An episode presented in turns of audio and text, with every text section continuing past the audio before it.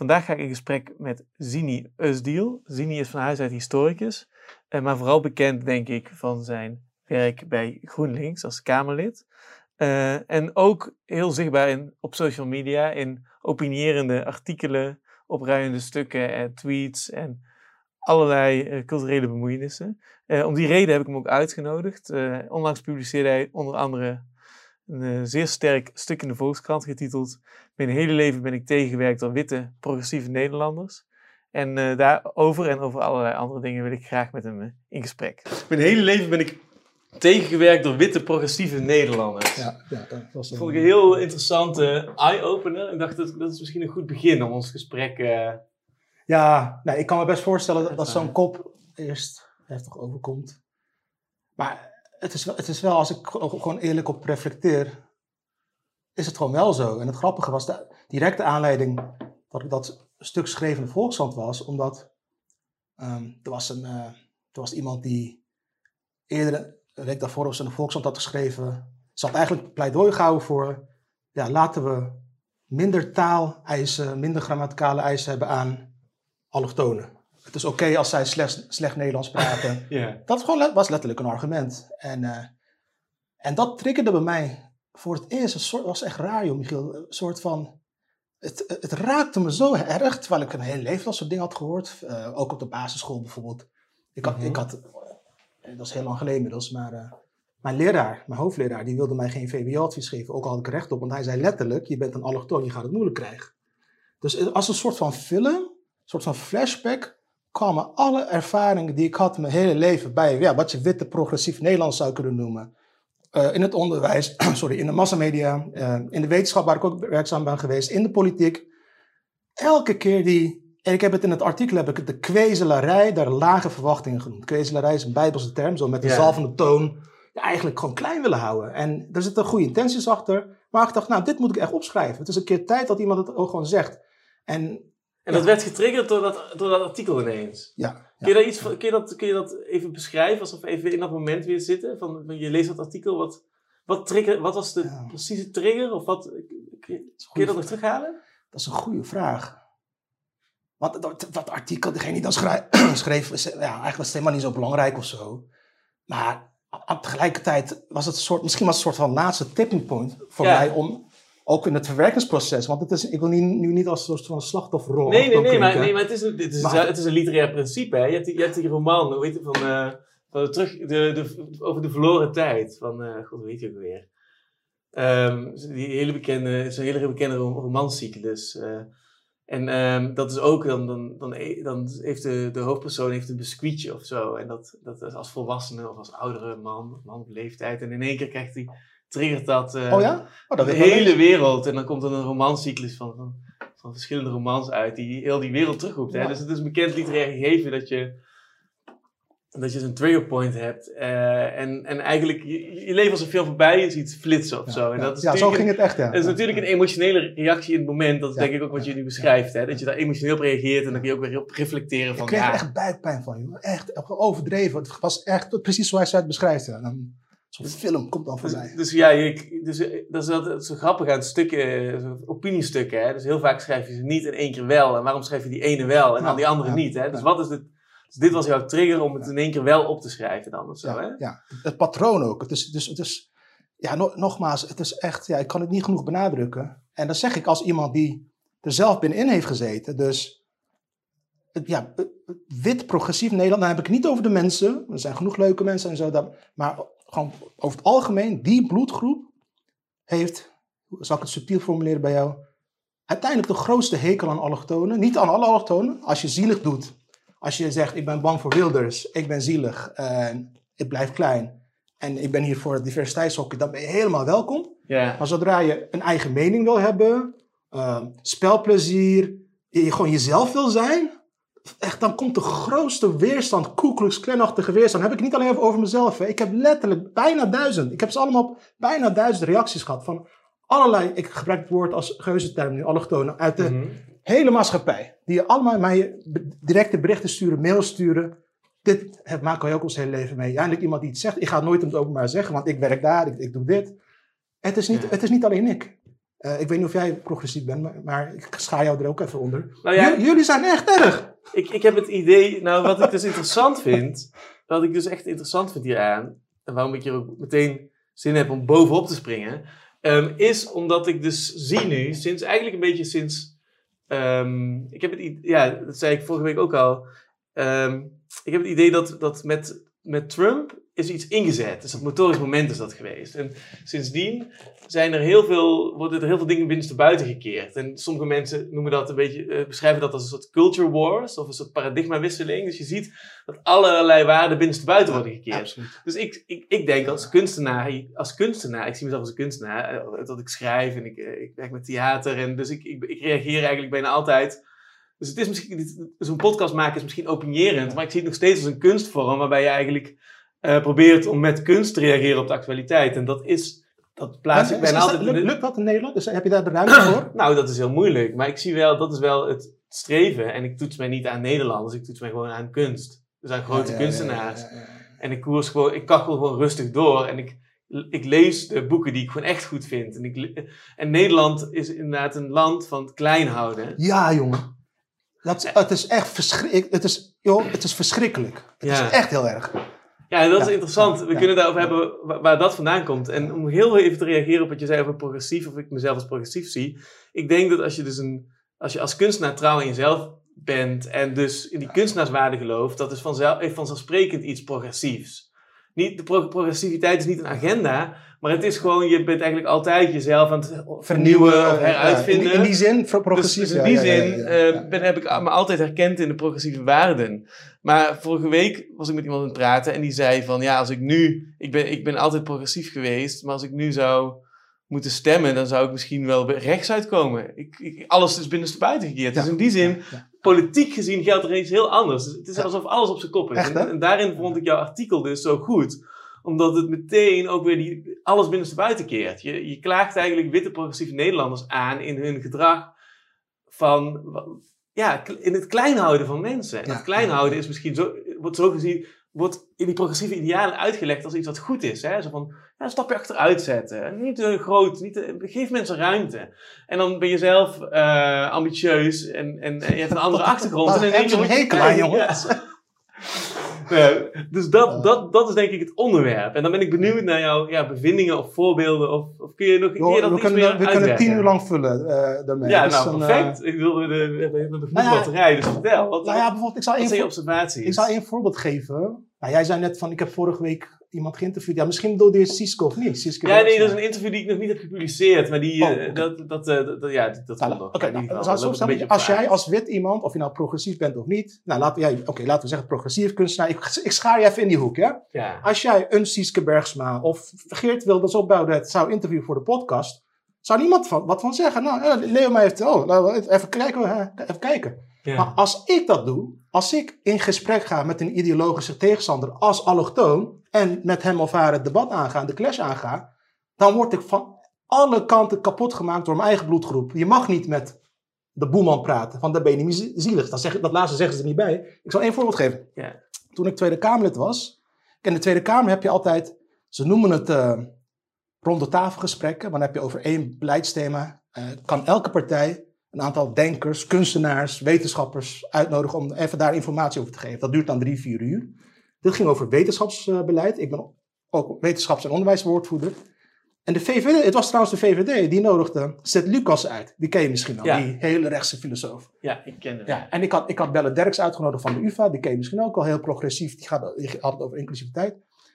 Nou, heb je een ronde tafelgesprek en dan kun je dus als Kamerlid ook echt doorzagen. Dus ik maak, eh, zonder valse bescheidenheid, ik laat Sid Lucas alle hoeken van de Tweede Kamer eh, zien. Want hij had echt een rommelig essay geschreven. Echt, Ja, ik heb het gelezen, ja. nou, dus oké.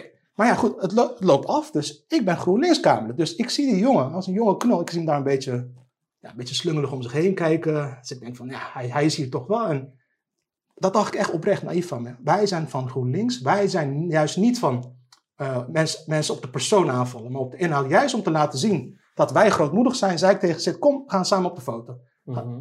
Kom. En dan maakte ik een foto met hem, knuffelend, lachend. En ik postte dat op social media. Nou, eh, we kwamen er niet uit, maar goed dat je er was. Ik ben leuk om beetje te clashen, zoiets. Echt. Ik had het echt niet verwacht. ik, heb, ik ben echt wel doodgetraumatiseerd. De, de hele partij kwam in opstand tegen me, GroenLinks. En hoe werkt dat? Hoe werkt zo'n opstand? Uh, nou, het is dus niet alleen GroenLinks-leden die tekeer gaan op social media. Weet je wat er gebeurde?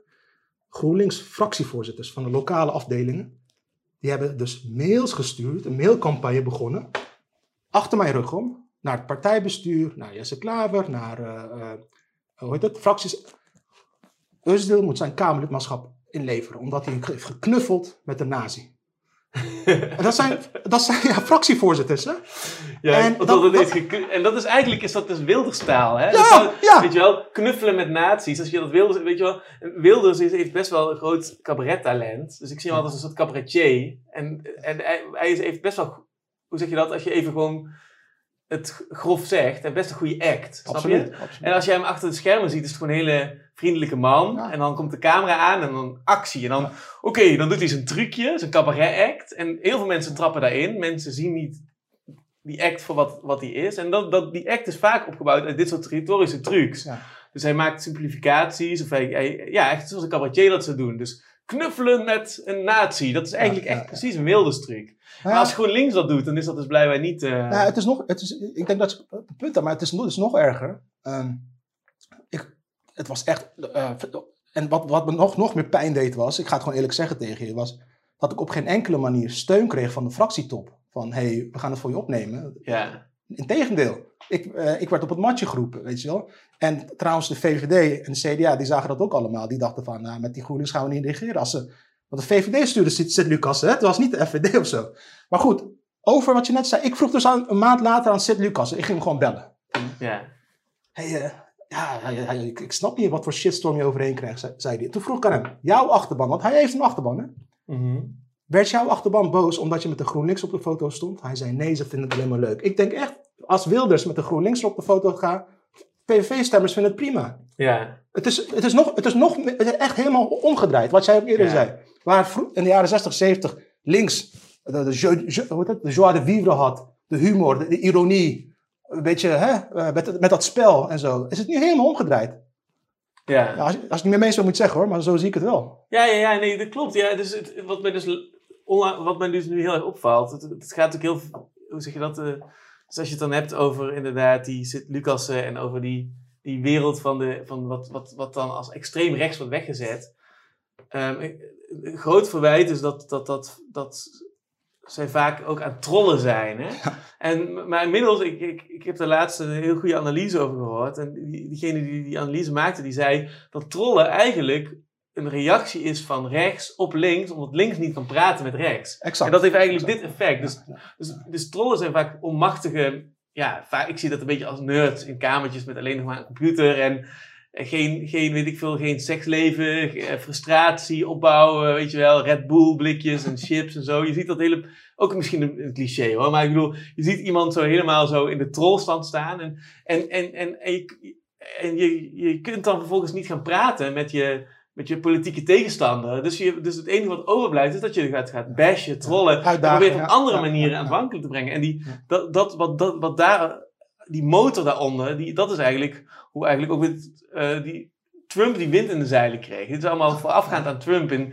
via de internet en, en, en hoe bepaalde platforms dat kunnen faciliteren, is er een enorme storm ontstaan. En dat was ook een reactie volgens mij uh, op dat politiek correcte van Hillary Clinton, wat eigenlijk dit gedrag is. Dus je ziet eigenlijk die relatie um, uh, verstoord zijn vanwege het feit dat, wat jij nu uitlegt, dat links en rechts niet meer met elkaar kunnen praten. Ja, dat, uh, Zo zie ik het eigenlijk. Ik, ik, denk, ik denk van ja, je noemde net Trump, maar ook Wilders. Maar zelfs Baudet, hè? mensen onderschatten dat. Ondanks mm antisemitische appjes heeft hij acht zetels gehad. Volgens mij is dat een teken aan de wand. Ze hebben, ze hebben sublieme trolling skills. Als je, als je ik heb het nou over de sublieme kant van trollen. Dus niet op een yeah. zoldertje. Maar ook dat je dus uh, maatschappelijke normen uitdaagt. Dat je weet uh, dingen op te schudden. Dat je een beetje... Yeah. En ja, helaas doen zij dat heel goed. Maar in alle eerlijkheid, eh, ik kijk om me heen. Links, Nederland, progressief Nederland. Niet alleen de politiek. Ze hebben ook geen humor, man. Het is ja, toch verschrikkelijk. en, en helemaal als een allochtoon humor heeft en uh, niet bang is voor Sint-Lucas, dan is het helemaal de wereld te klein. What the fuck is dat? Sorry. Ja. Ik ben in, in, Nederland ben ik helemaal niet meer links. Ik zeg, jij hebt de primeur. Ik, nu ik met jou over praat. What the fuck is dit? Ja, nee, dat, ik voel me ook niet in die zin links. Omdat ik denk dat links en rechts achter zijn ja, achterhaalde begrippen. Dus, dus, dus laten we zeggen dat links en rechts, dat is een fossiele werkelijkheid. Alleen de mensen die zich wel associëren als zijnde links, die identificeren zich met links. Dus die denken, ik ben links. En die vinden dat al die dossiers, dat er niet over te praten is. Want er moet gewoon iets aan klimaat gebeuren. Het is vijf voor twaalf, we gaan niet meer praten, tijd voor actie. Ik, dus dat is eigenlijk... dan hoef je het ook niet uit te leggen, dan hoef je je feiten ook niet op orde te hebben. Precies. En dan denken ze met bijvoorbeeld het seksisme-debat of het BLM-debat van, oké, Ehm, we moeten een stapje achteruit doen. We moeten ruimte maken. Dus die, dat is dus niet ambitieus zijn. En dat niet ambitieuze komt ook in die andere dossiers te liggen. Dat wordt één werkelijkheid van hoe je moet gedragen. Daar valt niet over te praten. En omdat ze daar niet over praten, krijg je rechts die gewoon keihard gaat trollen. maar de root of the problem is dat links, dus laten we zeggen dat oude links, waar wij ons niet meer mee identificeren blijkbaar, dat oude links gewoon niet dat gesprek wil aangaan. En dan krijg je dus een shitstorm. En die zien we nu. Ja ja, het is spot on hoe je het beschrijft.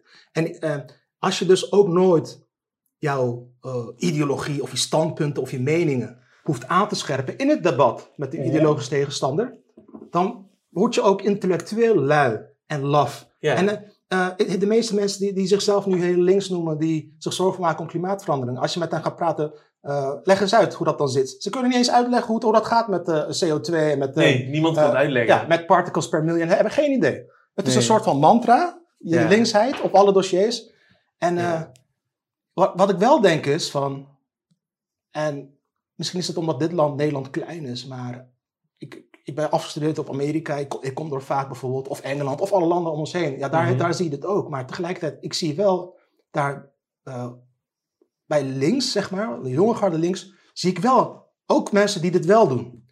Ja. Die wel met een joie de vivre, met een open houding uh, een activisme doen of een kunst of een politiek die niet uh, helemaal in paniek raken als er een ideologische tegenstander uh, aankomt bij je. Alleen in Nederland zie ik dat niet.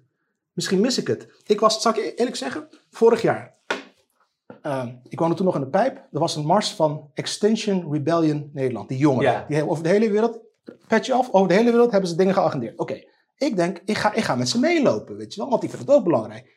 Echt waar, jongen. En uh, het zijn jonge kids, hè? Nederlands. Dus de Nederlandse variant. Ik mocht niet aansluiten bij het protest met mijn Turkse S. Weet je waarom? Hey, jij bent Zini, jij, gaat, jij, jij praat met fascisten. Jij bent niet welkom om samen tegen klimaatverandering te demonstreren. Dat is gebeurd. de Turk was niet welkom. Omdat, ik, omdat de Turk met een... Uh, ja, ja. dus, dat is toch, dat is toch verschrikkelijk? Dus mensen maken een soort gekke backtrack van al jouw handelingen. Ja joh. En ja, het is interessant. Het is misschien goed om eens, om eens, te, om eens te, te brainstormen van hoe, die, hoe, die, hoe, dat, hoe, dat, hoe, die, hoe die Nederlandse geest deze situatie heeft veroorzaakt. Ja, misschien moeten we nog eerst eens terug, want we zijn meteen in het diepe nu van de Nederlandse politiek nu. Ik wil ook alles over weten. Maar misschien is het goed om even terug te gaan naar dat begin. Wat je zei over die school. Ik heb dat ook in jouw artikel gelezen, maar hoe die, hoe die, hoe die leraar eigenlijk dat, dat, dat, dat, verkeerde advies gaf. Kun je daar iets over vertellen? Nou ja, ik, ik, ging mee met mijn vader ook om een beetje te vertalen. Dat, dat, in, in die tijd uh, had je alleen maar in groep 8 een CITO-toets. Nu, nu zitten ze vanaf groep 1 al uh, toetsen te maken. En dat was één onderdeel, niet eens een belangrijk onderdeel van je advies. Nou, toevallig, ik was gewoon altijd de beste van de klas. Ik had een heel, ik weet niet meer wat het was toen, 1993, heel hoog cijfer. Dus ik, ja. ik zit daar. Uh, mijn leraar, de hoofdleraar, mijn vader en ik.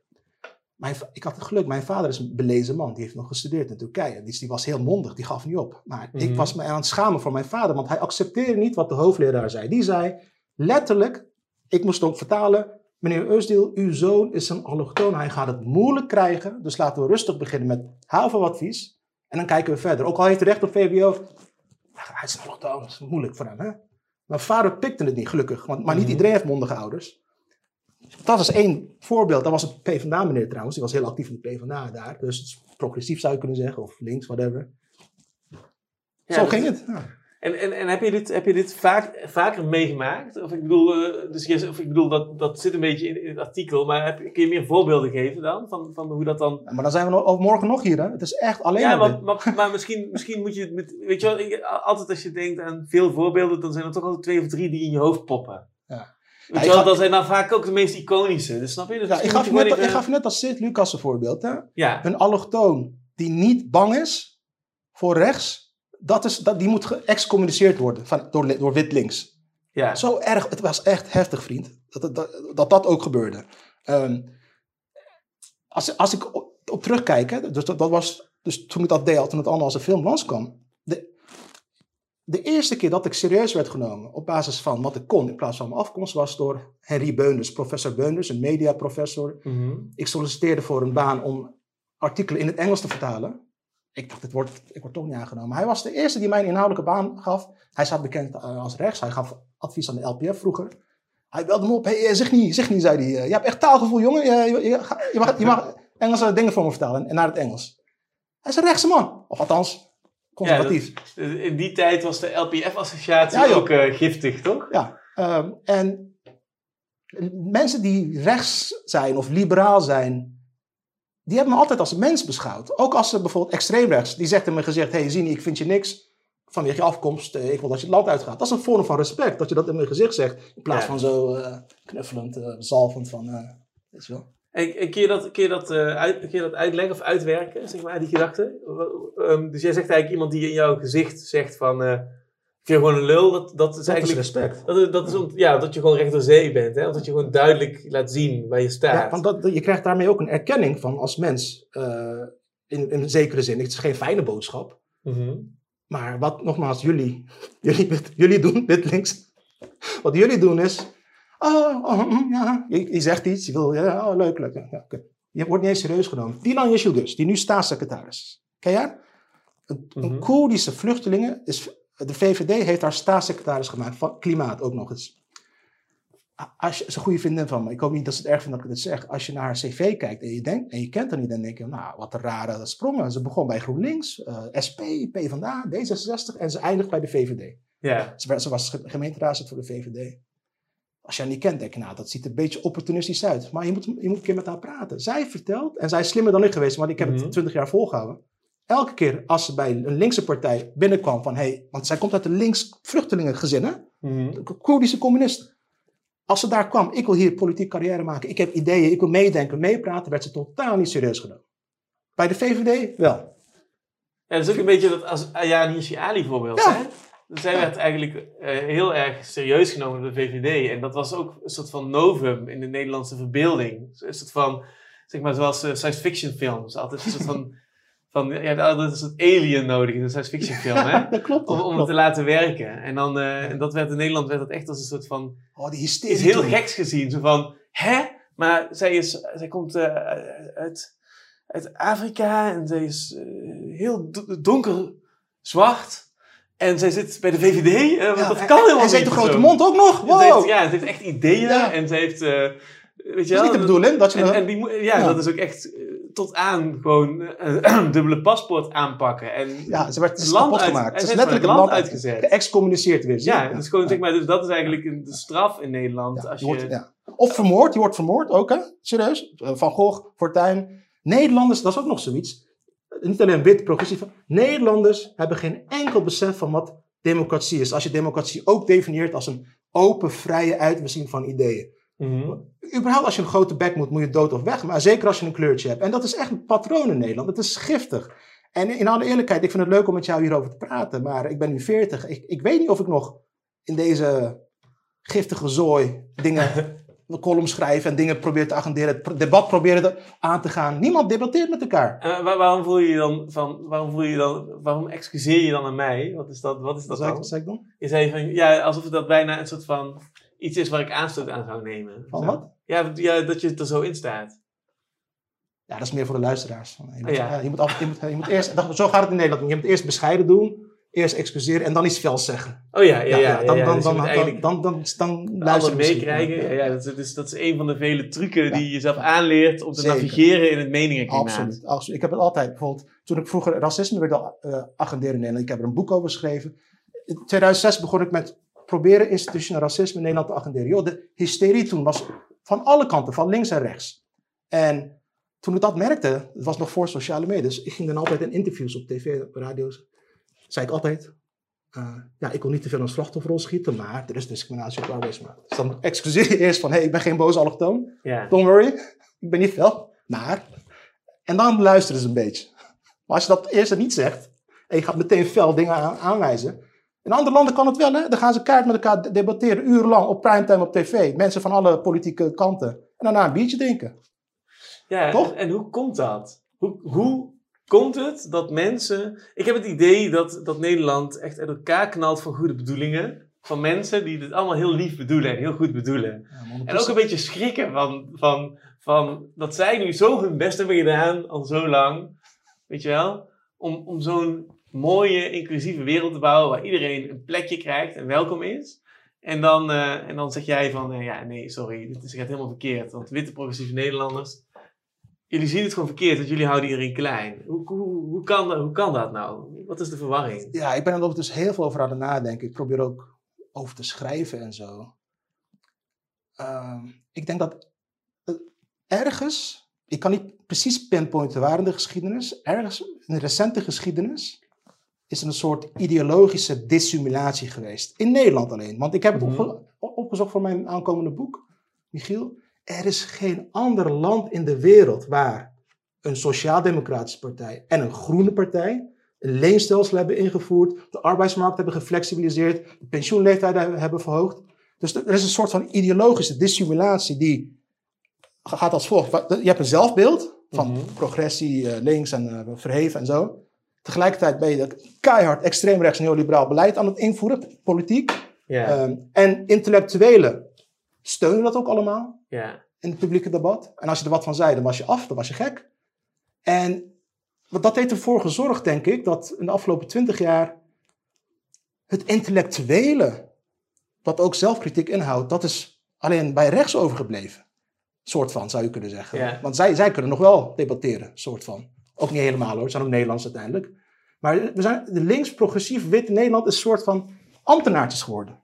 ja. Maar je hebt wel... Begrijp je wat ik bedoel? Ja, ja, al- als je het dan hebt over, eh, over eh, progressieve, linkse eh, journalisten of kunstenaars, dan moet ik denken aan het, een beetje het archetype van, van Joost Zwagerman. Die dan, Ja. zeg maar in de jaren tachtig, eh, ook een soort liefde voor Amerika ontwikkelt en dan romans gaat schrijven. En dan eigenlijk een beetje uit de Phoenixwijk komt, een beetje burgerlijk is. En dus ook een gezin sticht. Maar dat, nou, die vrouw, zijn vrouw heeft onlangs een boek gepubliceerd. En dat geeft een ontluisterend inzicht in Oh ja, zijn leven achter de schermen. Nou, dat hij best wel een lul was. En eh, dat hij gewoon eigenlijk... Hij was gewoon weg, weet je. Hij had een andere, andere woning. En daar ging hij dan, ik veel, van vier uur 's middags tot diep in de nacht... dan aan zijn indrukwekkende oeuvre schrijven, zeg maar. En Beetje hij, een narcist. hè? ja, nou ja, een beetje. Maar, maar hij is voor mij een beetje dat archetype van wat je als links. Dus als links kun je dan zeg maar wel zeg maar veramerikaniseren. Hè? Dus je hebt dan die, die bijna Amerikaanse ambitieuze agenda van niet alleen in Nederland. Je, weet je wat Krumberg ook een beetje doet? Weet je wel? Er staat op de achterkant van zijn boeken staat dat hij woont in New York. Weet je wel? Eh, Snap je? Dat is, dat is dan in zijn bio. Snap je? Dat is- dat is Dat is wel- heel veelzeggend. Ja, weet je wel, ja. want al zijn, heel zijn afzet, hij is helemaal niet een bekend iemand in New York. Zijn afzetmarkt is gewoon Nederland. Maar het staat voor Nederlanders wel chic dat hij in New York woont. En dat is een beetje wat Joost Wageman ook heeft. En, dus dan krijg je dus, dat, dus, de, de, dus er is een soort twisted, een soort schizofrenie tussen van linkse mensen die wel dus diezelfde ambities hebben. En dat ook een beetje in die lijn lopen, hè, wat Joost Wageman heeft ingezet in de jaren 80 en Grunberg in de jaren 90. Dus je kunt als kunstenaar of als journalist wel ambitieus zijn. En dus naar Amerika kijken en groeien. Hè? En zoals jij zei, wat, wat, wat Londen of Engeland heeft, of wat de UK heeft, wat, de, wat Amerika heeft, dat de sky the limit is. Maar je moet wel in je ideeën blijven in, in, die, Nederland, in die Nederlandse ideeën blijven wortelen. In, dat, in die illusie dat wij nog altijd de jaren 60 en 70 zijn, waarin we die progressieve idealen en verworvenheden hebben gehad. Die, wat ook voor de VPRO in die tijd, hè, in de jaren Ja, 60, 70, ja, 80 uitdroeg. Ontregelend waren ze toen. Ja, inderdaad. En, en dat, nu dat zijn staat er dan niet dan meer. En je moet daar een soort van, in je, in je, je moet dan in je, in je papieren werkelijkheid daar schatplichtig aan zijn, aan die, aan die zweem. Geen enkele, weet je, je kunt niet zeggen dat je bijvoorbeeld de LPF interessant vindt. Dat is een schrijver die ik nu heel erg bewonder, Wessel de Gussinklo. Die schrijft dat wel gewoon in 2002 van, nou, misschien dat ik toch maar Pim Fortuyn ga stemmen. dat is dan een hele, relatief hele onbekende schrijver. Maar dat is, dat is wel, eh, als je dan Zwageman en eh, Zwageman schreef- eh, schreef- afweegt ja. tegen Wessel de Gussinklo, dan is hij een genie, zeg maar. Nou, Zwageman, die schreef destijds in zijn columns dat eh, Pim Fortuyn de nieuwe Hitler was. Hè? Wist je dat? Er is, Ja, er is een bekend tv-debat tussen die twee. Daar, daar Ja. zie je eigenlijk wat jij net prachtig beschreef, zie je dat ook. Een soort van pose een, po- een- het, is, het is een pose eigenlijk. En het is heel Ja. dorps. Nou, kijk, Ja, het, is, het is heel dorps. Nederlanders houden ook niet van polemiek, maar nu je toch die, ook die twee namen noemt. Grunberg vind ik hem nou nog zo weinig. Niks persoonlijks tegen die vent, ik gun hem alles. Maar hij zei, weet je wat, hij la- dat stoorde me zo. En dat niemand ook van, van onze bloedgroep daar kritiek op durft te hebben. Hij zei, eh, Rutte, we moeten allemaal voor Rutte gaan, zei hij, voor de verkiezingen. Want het alternatief is erger. Wilders en, eh, en Baudet, dat zijn de nazi's. Ja. En de les, de les van Weimar is dat het midden, dat het midden een soort van grens is tussen fascisme. Ik denk van, Grunberg, wat de fuck lul je nou uit je nek, vriend? Ehm, Ru- Rutte is in 2007 door de rechter veroordeeld voor rassendiscriminatie, omdat hij had opgedragen om Somaliërs eh, extra te controleren eh, door de gemeente. Ja. Hij, hij is de genie achter het toeslagenschandaal, waar te- 30.000 onschuldige, soort Ja. postmoderne razzia's, je hebt het gevolgd. Ja, dat is een van de, een van de eng, engste dingen die de afgelopen... In de, van de Er naoorlogse zijn postmoderne razzia's op, op, op afkomst. En, dan, en dan zegt Grunberg, ja, maar bouw dat is pas eng, dus we moeten voor Rutte gaan. Ja, en dan zegt hij in een 4 mei-lezing, ik ben een Marokkaan. Ja, tief toch op. En dan, ja, dat is het lastige aan Grunberg, vind nou, ik. nog- mag nog één punt. Van, wat ik dan nog erger vind, nou, hij mag het zeggen, vrij land, weet je wel. Maar wat ik nog erger vind, niemand uit de progressieve hoek durft op, op te schrijven, hij klets uit zijn nek. Als een soort van, een soort Ja. Allah, weet je wel. Nou, wat, wat ik dus, ik wil nog iets over Grunberg zeggen. Want wat ik dus het lastige vind, ik vind hem dus wel heel goed. Ik vind, ik vind Tirza een geweldige roman. Ik vind eh, Blauwe Maandagen een geweldige roman. Dus ik vind hem een goede kunstenaar. Alleen, Oh, interessant. Alleen wat dus het ik vind probleem heel is... slecht, vind ik. Ja, nou ja, maar ik vind Blauwe Maandagen, er zit een soort rauwe energie in, die ook weer zo goed is ergens. Ja. Ergens, hè. Er zit een bepaald soort echtheid in, die, die vind ik gewoon echt heel goed. En, eh, maar alleen, dus dat komt, of wat, ik zie bij hem altijd, is dat hij dus ehm, een soort ironische positie heeft naar de hele wereld. En die ironische positie levert hem heel veel Maar op. is het wel echt ironisch of is het een pose om, om toch ongrijpbaar Ja, te blijven? Is het een het slafheid? Het is niet ironie. Ik heb het Het is idee dat dat dus in, aan het begin van zijn carrière is dat, is dat, is, zie ik daar wel een bepaalde zuiverheid in, een bepaalde echtheid, die, die in ieder geval ik heel goed vind. En ik, ook als ik het nu opnieuw een stukje in lees, dan, dan zie ik het weer. En dan, Hmm. Weet je, hetzelfde wat, wat me ook grijpt aan Catcher in the Rye of zo, van, eh, van Salinger. Een bepaald soort, je wil ergens uitbreken. En dat uitbreken, de wens om eruit te breken is zo groot, dat je, dat, dat je, ja, dat je, dat daar de kunstwerk het resultaat van is. En dat vind ik er dus mooi aan. Een soort rauwe, rauw kunstwerk. Eh, rauwe energie. En alleen ik zie dat hij, voor mijn gevoel heeft hij dus die, de, die, die ironie zo nodig daarvoor. Dat hij dus de waarheid, of dat wat, wat echt waar is, op het offerblok heeft gelegd. En dan nu een beetje in, in, in niet in, dus als hij in de, in de zomer en de herfst van zijn carrière komt, dan wil hij in één keer op zijn 40ste of zijn 50ste in één keer wel ook meedoen met de grote jongens van de belangrijke onderwerpen. En in Ja, één keer zit die ironie hem in de weg. En zo Ja, zit ik een beetje... En ook nog eens het feit dat hij gewoon helemaal geen kaas heeft gegeten van politiek en maatschappij. Hij zal vast een goede romancier en dichter zijn. Maar hij is gewoon dom. Hij is gewoon echt dom. Hoe de fuck, kan je, nou, op, hoe de fuck kun je zeggen, eh, Rutte is onze bescherming tegen fascisme. Hij is de fascist Ja. postmod- in de postmoderne variant. Kijk naar wat hij allemaal heeft gedaan. En kun je dat uitleggen? Waarom zie jij Rutte als, als de fascist? Nou, ik, ik niet. Kijk, als, als Grunberg eh, iedereen ter rechts van eh, Rutte die niet Oh, ja, eens ja, ja. hebben geregeerd fascisten vindt, dan denk ik van, wat is nou fascistischer dan een brief sturen toen hij staatssecretaris was aan de gemeentes? Jullie moeten zwarte mensen extra opjagen. Heeft hij gedaan toen. Hij is daarvoor veroordeeld door de rechter hè, voor rassendiscriminatie. Dat is Rutte. Vervolgens, hij is het brein achter het bijna meer dan, meer dan tien jaar lang opjagen van meer dan 30.000 arme, onschuldige allochtone moeders. Die niks verkeerds hebben gedaan. Kinderen hebben zelfmoord gepleegd, ouders hebben zelfmoord gepleegd, hun levens zijn geruineerd. Rutte is daar verantwoordelijk voor. En dan hoor ik eh, Grunberg allemaal Rutte stemmen, want uh, Baudet uh, zegt rare dingen.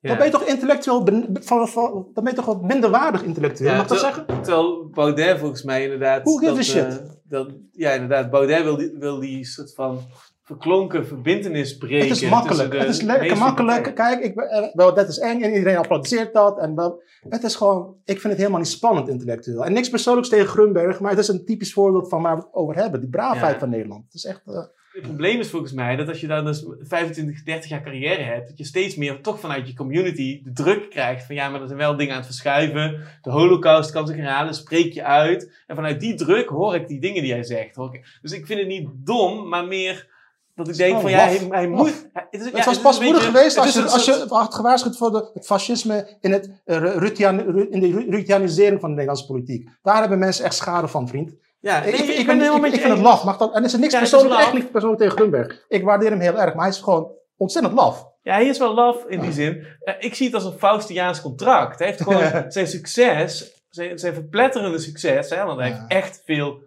succes voor een Nederlandse begrip. Hè? Dat, dat is bijna niet geëvenaard in, eh, in, in de Nederlandse literatuur bijvoorbeeld. Hè? En dat succes heeft hij uitgeruild tegen, ja, ge- tegen inhoud ergens. Dus Ja. hij is dan inderdaad, dat, dat, jij Ja. ervaart dat als laf. Ja, weet je, ik, ik, ik heb dat te- volgens mij te lang over de persoon Grunberg. Maar die, die, ik heb het, ik heb het, eh, daar staat heel veel over met Arjen van Velen, een goede vriend van me. Die ken je misschien wel, die, schrijft Ja, ja, die- eh, voor de correspondent schrijft, ja. van ehm, ja, dat, die lafheid eigenlijk.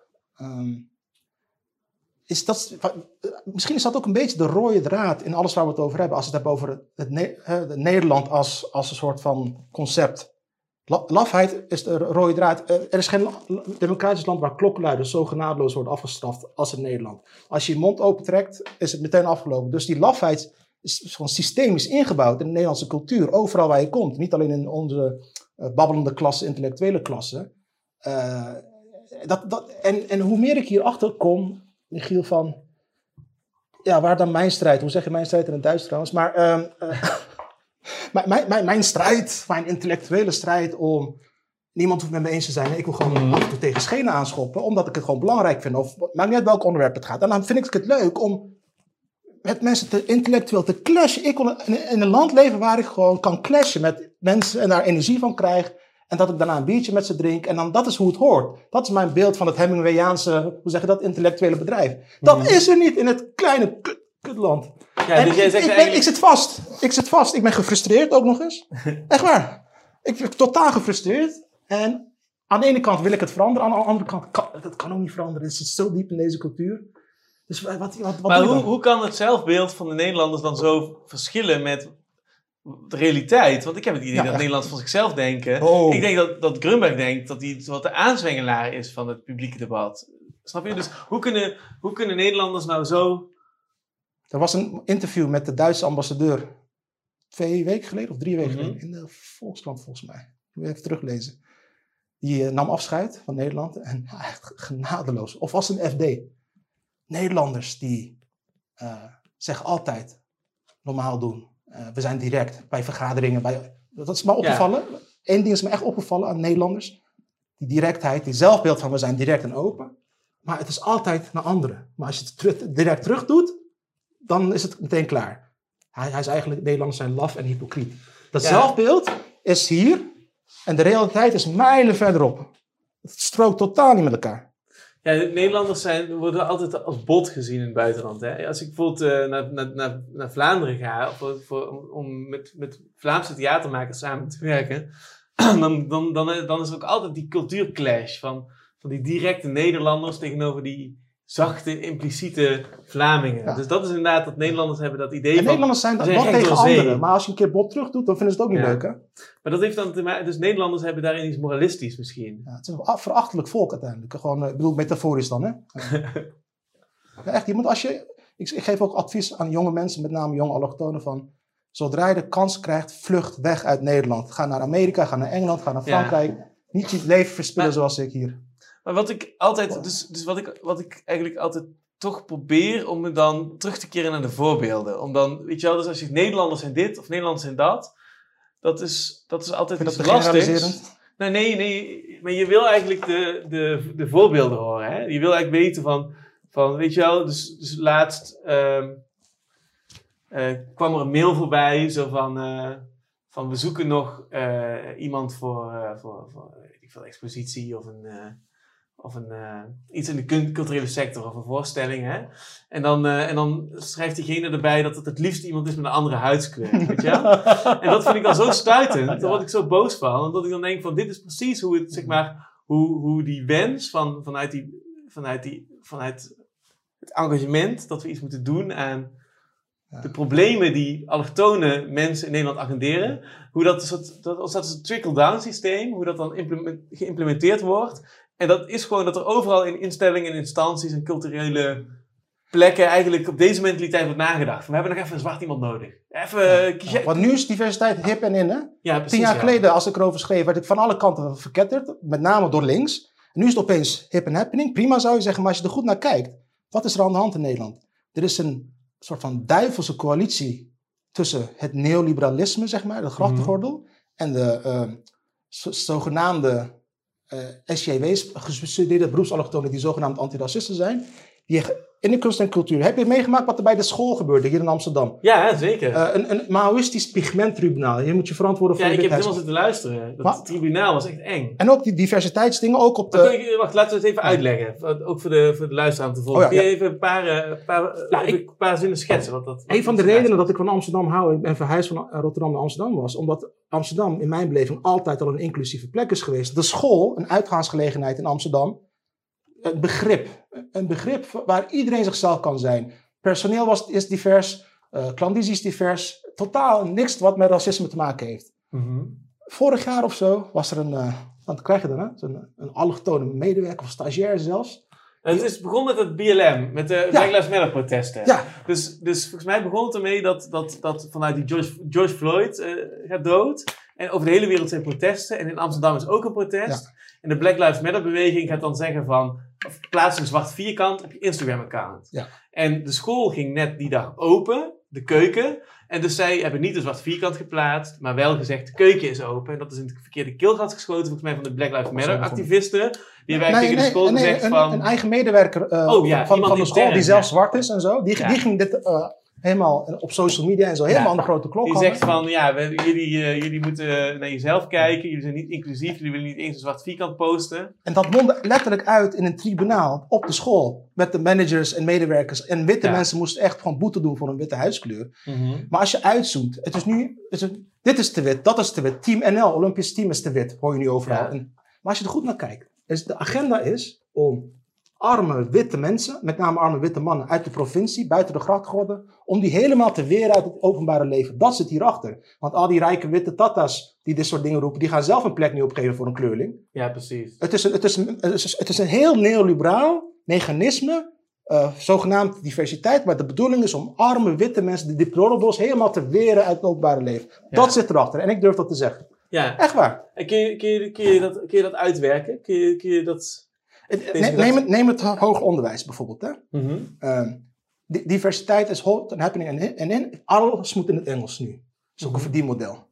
En als jij daar niet bij kan aansluiten, studenten die HBO hebben gedaan en, en door willen studeren, maar geen Engels hebben in een eh, pakket, die, hoeven- die mogen niet naar de universiteit bijvoorbeeld. En dat zijn allemaal provinciale kids die verderop willen komen, witte kids. Ja. Dus, want die, die stemmen toch verkeerd. Ja, wat me opviel bij de school, dat tribunaal, wat ik ook helemaal heb geluisterd, was dat degene, de, de aanklagers en aanzwengelaars van dat tribunaal, die eigenlijk die mensen ter verantwoording riepen, dat zijn eigenlijk de, gepri- de geprivilegeerde elite van Exact. de wereld. Zeg maar. Dus dat zijn allemaal Exact. expats en mensen die wereldreizigers en uit alle Ja. belangrijke landen, die twee of drie mensen die dan in Amsterdam terecht kunnen. En die zijn veel meer, als je dan toch wil, wil in privileges wil denken, wat ik altijd lastig vind. eh, Maar als je dat dan toch doet, dan kun je zeggen van nou, die mensen, die aanklagers van die mensen van de school zijn veel geprivilegeerder dan de Absoluut. witte mensen die op die stoelen zaten Absoluut. te trillen. dat is, dat is wat. Het is een samenzwering tussen elites van alle Ja. kleuren om Ja, arme mensen überhaupt, maar met name arme witte mensen. Het is, het is een racistische aanval op, op arme witte mensen wat er nu aan de hand is. Het is Ja. geen diversiteit. Ja dus het is eigenlijk, dus, dus eigenlijk een verholen vorm van racisme. Hè? Het is het nieuwe institutioneel racisme in Nederland. is tegen arme witte mensen. Van alle kanten. Ik zie het overal gebeuren. Hè. Ze vinden het geweldig. Al die uh, grachtengordel, D66, GroenLinks, eh, elites. Die, die, oh, nou, nu, nu kunnen we eindelijk die tokkies weren. Want ze, ze, praten, ze hebben niet de juiste taal. Ja. Ze hebben niet de goede manieren. Ze stemmen Ze stemmen terecht. Wilders, Ja. ze stemmen Nee, Baudet. dat is niet leuk. En we willen Ja. gewoon die... Ja, weg ermee. Ja, dus het is eigenlijk een soort nieuwe segregatie eigenlijk. Weet je wat, wat je, wat je in Zuid-Afrika eh, ziet? Hè? Dat het eigenlijk een... Dat er harde scheidslijnen bestaan van... eh, waarbij inderdaad eh, etniciteit of huidskleur ineens een rol speelt. En, Ja. en je gaat eigenlijk... Dus, dus ook vanuit dat idee, hè, wit is ook een kleur. Die documentaire van Cindy Bergman die dan in één keer enorm aanslaat. En dan eigenlijk voeg je een racistische categorie toe in plaats van dat je het racisme aanpakt, toch? Ze hebben ook wit huiswerk. Een lijst met boeken. Ja, ik Heb het, heb ja, ik je- heb het gezien, ja. Ik krijg het vaak op mijn oren geslingerd. Mensen erg. denken dat je dat dan niet hebt gelezen. Voor, voor, heb voor de het- luisteraars, dus als je nu dus woke en inclusief en, eh, en eh, divers en niet racistisch wil zijn en je bent wit, is er spe- speciaal wit huiswerk opgesteld. Een lijst met boeken die je moet lezen. Ja, Als je wit bent moet je zo, je zo je bek houden over racisme. Maar je moet wel die boeken lezen. ja. Ook boeken waar ze zelf aan verdienen. En als je die boeken hebt gelezen, moet je alsnog je mond houden. Dat is de discours. En ik heb wel eens in een interview gezegd, Ik heb ook zwart huiswerk, het uh, wetboek van strafrecht, heb ik gezegd. Snap je? Als we, als we zo gaan beginnen. Ik heb Ja. zwart huiswerk, eh, basishandboek Nederlandse grammatica. Dan kunnen ze een keer normaal Nederlands praten, die kleurling. Is dat normaal om dat soort dingen te zeggen? Maar het over witte mensen mag je het wel zeggen. Ja, ja, ja. Ja, dat is, het is bizar. Het is eigenlijk een, eh, ja, het is gewoon een nieuwe vorm van racisme. Ja. Sterker nog, eigenlijk, ik was eh, een van de aanjagers van de Zwarte Piet discussie sinds 2006. Omdat ik dit zat ben, ben ik weer voor Zwarte Piet. Ik ben helemaal gedraaid. Kun je dat uitleggen? Nou, het is dit, dit soort gekkigheid, dit soort giftige, neoliberale, eh, racistische shit, als dat de uitkomst is van het hele debat waar ik ook aan heb bijgedragen, dan heb ik er daar spijt van. Zwarte Piet is een kinderfeest en bekhouden als het niet bevalt. Dat is nu mijn nieuwe standpunt, omdat ik het zat ben. Ja. Kun je nagaan hoe gewone men- witte mensen het zat zijn, als ik het al zat. Ja, het, is, het is dus zo lastig, omdat je dus eigenlijk die, die, dat, dat, die kreet van Zwarte Piet is racisme. Ik heb eigenlijk het meeste eh, probleem met het woordje is. Want daarmee maak je het één ding. Terwijl je het op meerdere levels kan ontleden. Je kunt ook zeggen van, het is een kinderfeest, maar je kunt ook zeggen, het zijn archetypen. Of je kunt ook zeggen van, Ja. Zwarte Piet en Sinterklaas is een beetje hetzelfde als eh Don Quixote en Sancho Panza. maar Sancho Panza heeft veel meer macht over Don Quixote dan Don Quixote over Sancho Panza. Dus je kunt het op allerlei manieren analyseren. Hè? En door te zeggen het is racistisch, creëer je eigenlijk dat klimaat waarbij dat, dat metanarratief van hoe, hoe, wat racisme nu eenmaal is, eh, heel erg naar de voorgrond wordt gebracht. Weet je wat het allergrappigste is? Ik ga zijn naam noemen, maar een van die luidruchtige anti-Piet-activisten, een paar jaar geleden. Ze gingen, ze gingen naar die intocht, weet je nog, in Groningen of zo. Allemaal van die Black Panther uniformen aan, met leren handschoenen. Gingen ze naar een of andere Lutjebroek dorp waar een intocht Mhm. was. En zie al die dorpelingen daar, die schrikken zich dat helemaal. Want als je echt eh, mensen wil overtuigen van het racistische aspect van Zwarte Piet, moet je dan met militaire uniformen daar naartoe gaan. En er was één activist die had op Facebook gepost een filmpje. Hij was daar met het bord Zwarte Piet racisme, met een zwarte uniform. En een wit iemand was tegen hem een beetje aan het schreeuwen. En hij dat filmpje deelt en dan zegt hij, geen ruimte meer voor racisme. Deze racist heb ik aangepakt. En weet je wie die racist was? Letterlijk, een oude witte vrouw op een rollator die bang was. ja. Dat was de racist. Dus dat niveau hebben we nu, weet je. Ja. Ja, dus, je, dus, de, de, dus dat wit- in dat witte huiswerk zitten ook, eh, zitten ook boeken. Ik heb er een aantal inmiddels gelezen. En ehm, ik ben dan iemand die keurig het huiswerk gaat doen, snap je? En, ehm, want die wil toch de argumenten van je tegenstrever kennen. Oh. En ehm, dat, een van de dingen die, die, die me opvallen is dat, dat je dus eigenlijk per definitie racistisch bent. Zeg Ja. maar. Dus je bent gewoon racistisch. Als je dat ontkent, dat is des te meer bewijs dat je racistisch bent. En als je En, het, er- eh, als je het en erkent, is het daar ook niet goed genoeg. op reageert, dan ben je dus fragiel. En er ontstaat een soort van logica die me nog het meest doet denken aan de Scientology Church. Waarbij je eigenlijk moet gaan werken aan je racisme. Maar je kunt eigenlijk in oneindige levels terechtkomen van je goedheid. Waarbij je dan, nou ik ben in level 20 of zo, van al werken aan mijn racisme, wat ik per definitie heb. En ik voel, weet je, en zo zit iedereen die wit is nu in een soort van psychose van, dat hij is moet werken aan zijn eigen racisme. Het is een soort metasecte. Het is niet eens een Ja. normale secte meer. Het is een soort van, het is beyond Scientology, man. Maar, Dus- maar- ja, precies. Dus, maar hoe zou jij dan, met, met jouw achtergrond en ervaring van, van, van die witte progressieven in Nederland en wat je zegt, dat schokkerende voorbeeld van school vroeger, hoe zou jij dan de zin van de onzin scheiden in dit debat? Hoe zou jij zeggen van ja, er is Dus wel een is- probleem met hoe, hoe, hoe, dat, hoe dat doorwerkt, Dat- en, maar het heeft niet te maken met dit metanarratief. Hoe, hoe, hoe zie jij dat? Dat, dat punt zijn we al voorbij, helaas. Dat is een ja, verloren maar kun je het aan mij vertellen? Nee, ook niet. Want je, hebt, je bent wit. En, eh, en, eh, nee, kijk. ehm, en daarom maak ik me dus heel veel zorgen. Eh, ze zijn ook trouwens al die witte, arme witte mensen die ze nu aan het weren zijn, het publiek leven. Die gaan uiteindelijk allemaal Baudet stemmen. Of een nieuwe Baudet, maakt niet. We krijgen Trump-toestand in Nederland. Het is volgens mij niet ingewikkeld. Er zijn een aantal domeinen in Nederland waar al fucking 30 jaar wetenschappelijk onderzocht en bewezen wordt, rapport na rapport, waar er echt sprake is van racisme of discriminatie. De arbeidsmarkt bijvoorbeeld. In 1986 Ja, was het eerste dus- rapport. eh, en, eh, met, met Het over solliciteren, ja, achternamen. het is allemaal, het is dat We weten hebben we. allemaal meegemaakt, snap je? Ik heb ook bij de Pathé-bioscoop gewerkt toen ik 18 was. Ik weet precies waar het over gaat, inderdaad. Nou, dat heel is nou één voorbeeld. En, dat zijn, en wat, wat grappig is, daar wordt nooit wat aan gedaan, 30 jaar lang niet. Want dat zijn bedrijven die moeten aanpakken, dat doen ze niet. Mhm. Maar we moeten eh, Zwarte Piet en wat, wat was het nog meer? Wit huiswerk en de, de school moet kapot. Dat is, de, dat is de strijd tegen racisme. Niet de arbeidsmarkt. Ja. De Efteling-attracties moeten veranderen. Ja, weet je wel, ik zeg, niet, ik zeg niet dat je daar niet over moet, maar eh, de echte strijd waar mensen echt last, last van hebben, ook op de wonenmarkt is, daar- is daar sprake van. Eh, joh, dit dat toeslagenschandaal in fucking algoritmes, weet je wel. Ja. Eh, die social justice warriors hoorde je daar helemaal niet over. Want het is naar boven gebracht door witte mannen. Pieter Omtzigt, Jan Kleinhuis van Trouw en, en Pieter Klein. Die hebben door jarenlang door te vragen, rechtse witte mannen hebben het grootste racistische schandaal uit modern Nederland op tafel gebracht. Niet die social justice warriors. ja. Dus ja, het is misschien geen goed antwoord En op de mensen kunnen ook niet zo goed tegen dat verhaal, merk ik. Want ik, ik wilde er altijd over beginnen, omdat, ik, omdat het voor mij echt... De horror is in zijn zuiverste vorm, die, dat, die toeslagenschandaal. Want ik kan me heel goed verplaatsen in iemand die ehm, tien jaar lang in een bureaucratische hel moet leven. En elke dag... Weet je wel, ik, ik haat het als mijn hersenen, als mijn denken gekaapt wordt door zorgen. En je zit tien jaar lang in een soort Kafkaïs doolhof. En dat gaat Ik niet heb- ik heb een bij aantal- Kafka-romans is er dan één iemand, hè? Dus gewoon, weet je wel, eh, één iemand zit in die Kafkaiaanse hel. En, eh, en, en, en wij hebben een situatie gecreëerd in Nederland, waarin dus 30.000 Ja. mensen in, die, in dat doolhof van Kafka hebben gezeten. En dus als je nadenkt over, niet alleen over dus inderdaad de excessen die jij dan noemt, die, die mensen die zelfmoord hebben gepleegd, of die de voogdij over kinderen verliezen, dat is eigenlijk, de echt schrijnende, verschrikkelijke voorbeelden. Maar die andere 30.000, die zitten ook elke dag gewoon in, die, in dat doolhof. En dat, is, dat, dat- dat, dat wil bij mensen gewoon niet indalen hoe heftig dat is. Daar willen mensen liever niet over praten, want het is te groot. En, of we hebben dat idee van, dan zullen ze het misschien ook wel zelf hebben Ja, gemaakt. ja, of er zit een soort van, Ik heb heel veel van die slachtoffers geïnterviewd. Ik heb, Ja, ja, ik ik heb een het- YouTube talkshow en ik weet het ja, ik heb het gehoord. En, eh, ehm, moet je je eens voorstellen, je hebt helemaal niks verkeers gedaan. En je krijgt te horen dat je allemaal bewijs moet sturen, maar je weet niet van wat. Je stuurt alles wat je hebt, je krijgt er geen reactie op. In de, rechts, in de rechtszaal eh, pro- fabriceren ze netbewijs. Je rijdt met je kinderen op de snelweg, je wordt opeens in een belastingfuik gereden met allemaal politie en helikopters. Auto inleveren. Dat is je leven. Tien jaar lang, weet je wel. Waar hebben we het dan over? Met, je, met je, de school of dit Ja. huiswerk. Ja. Lief top.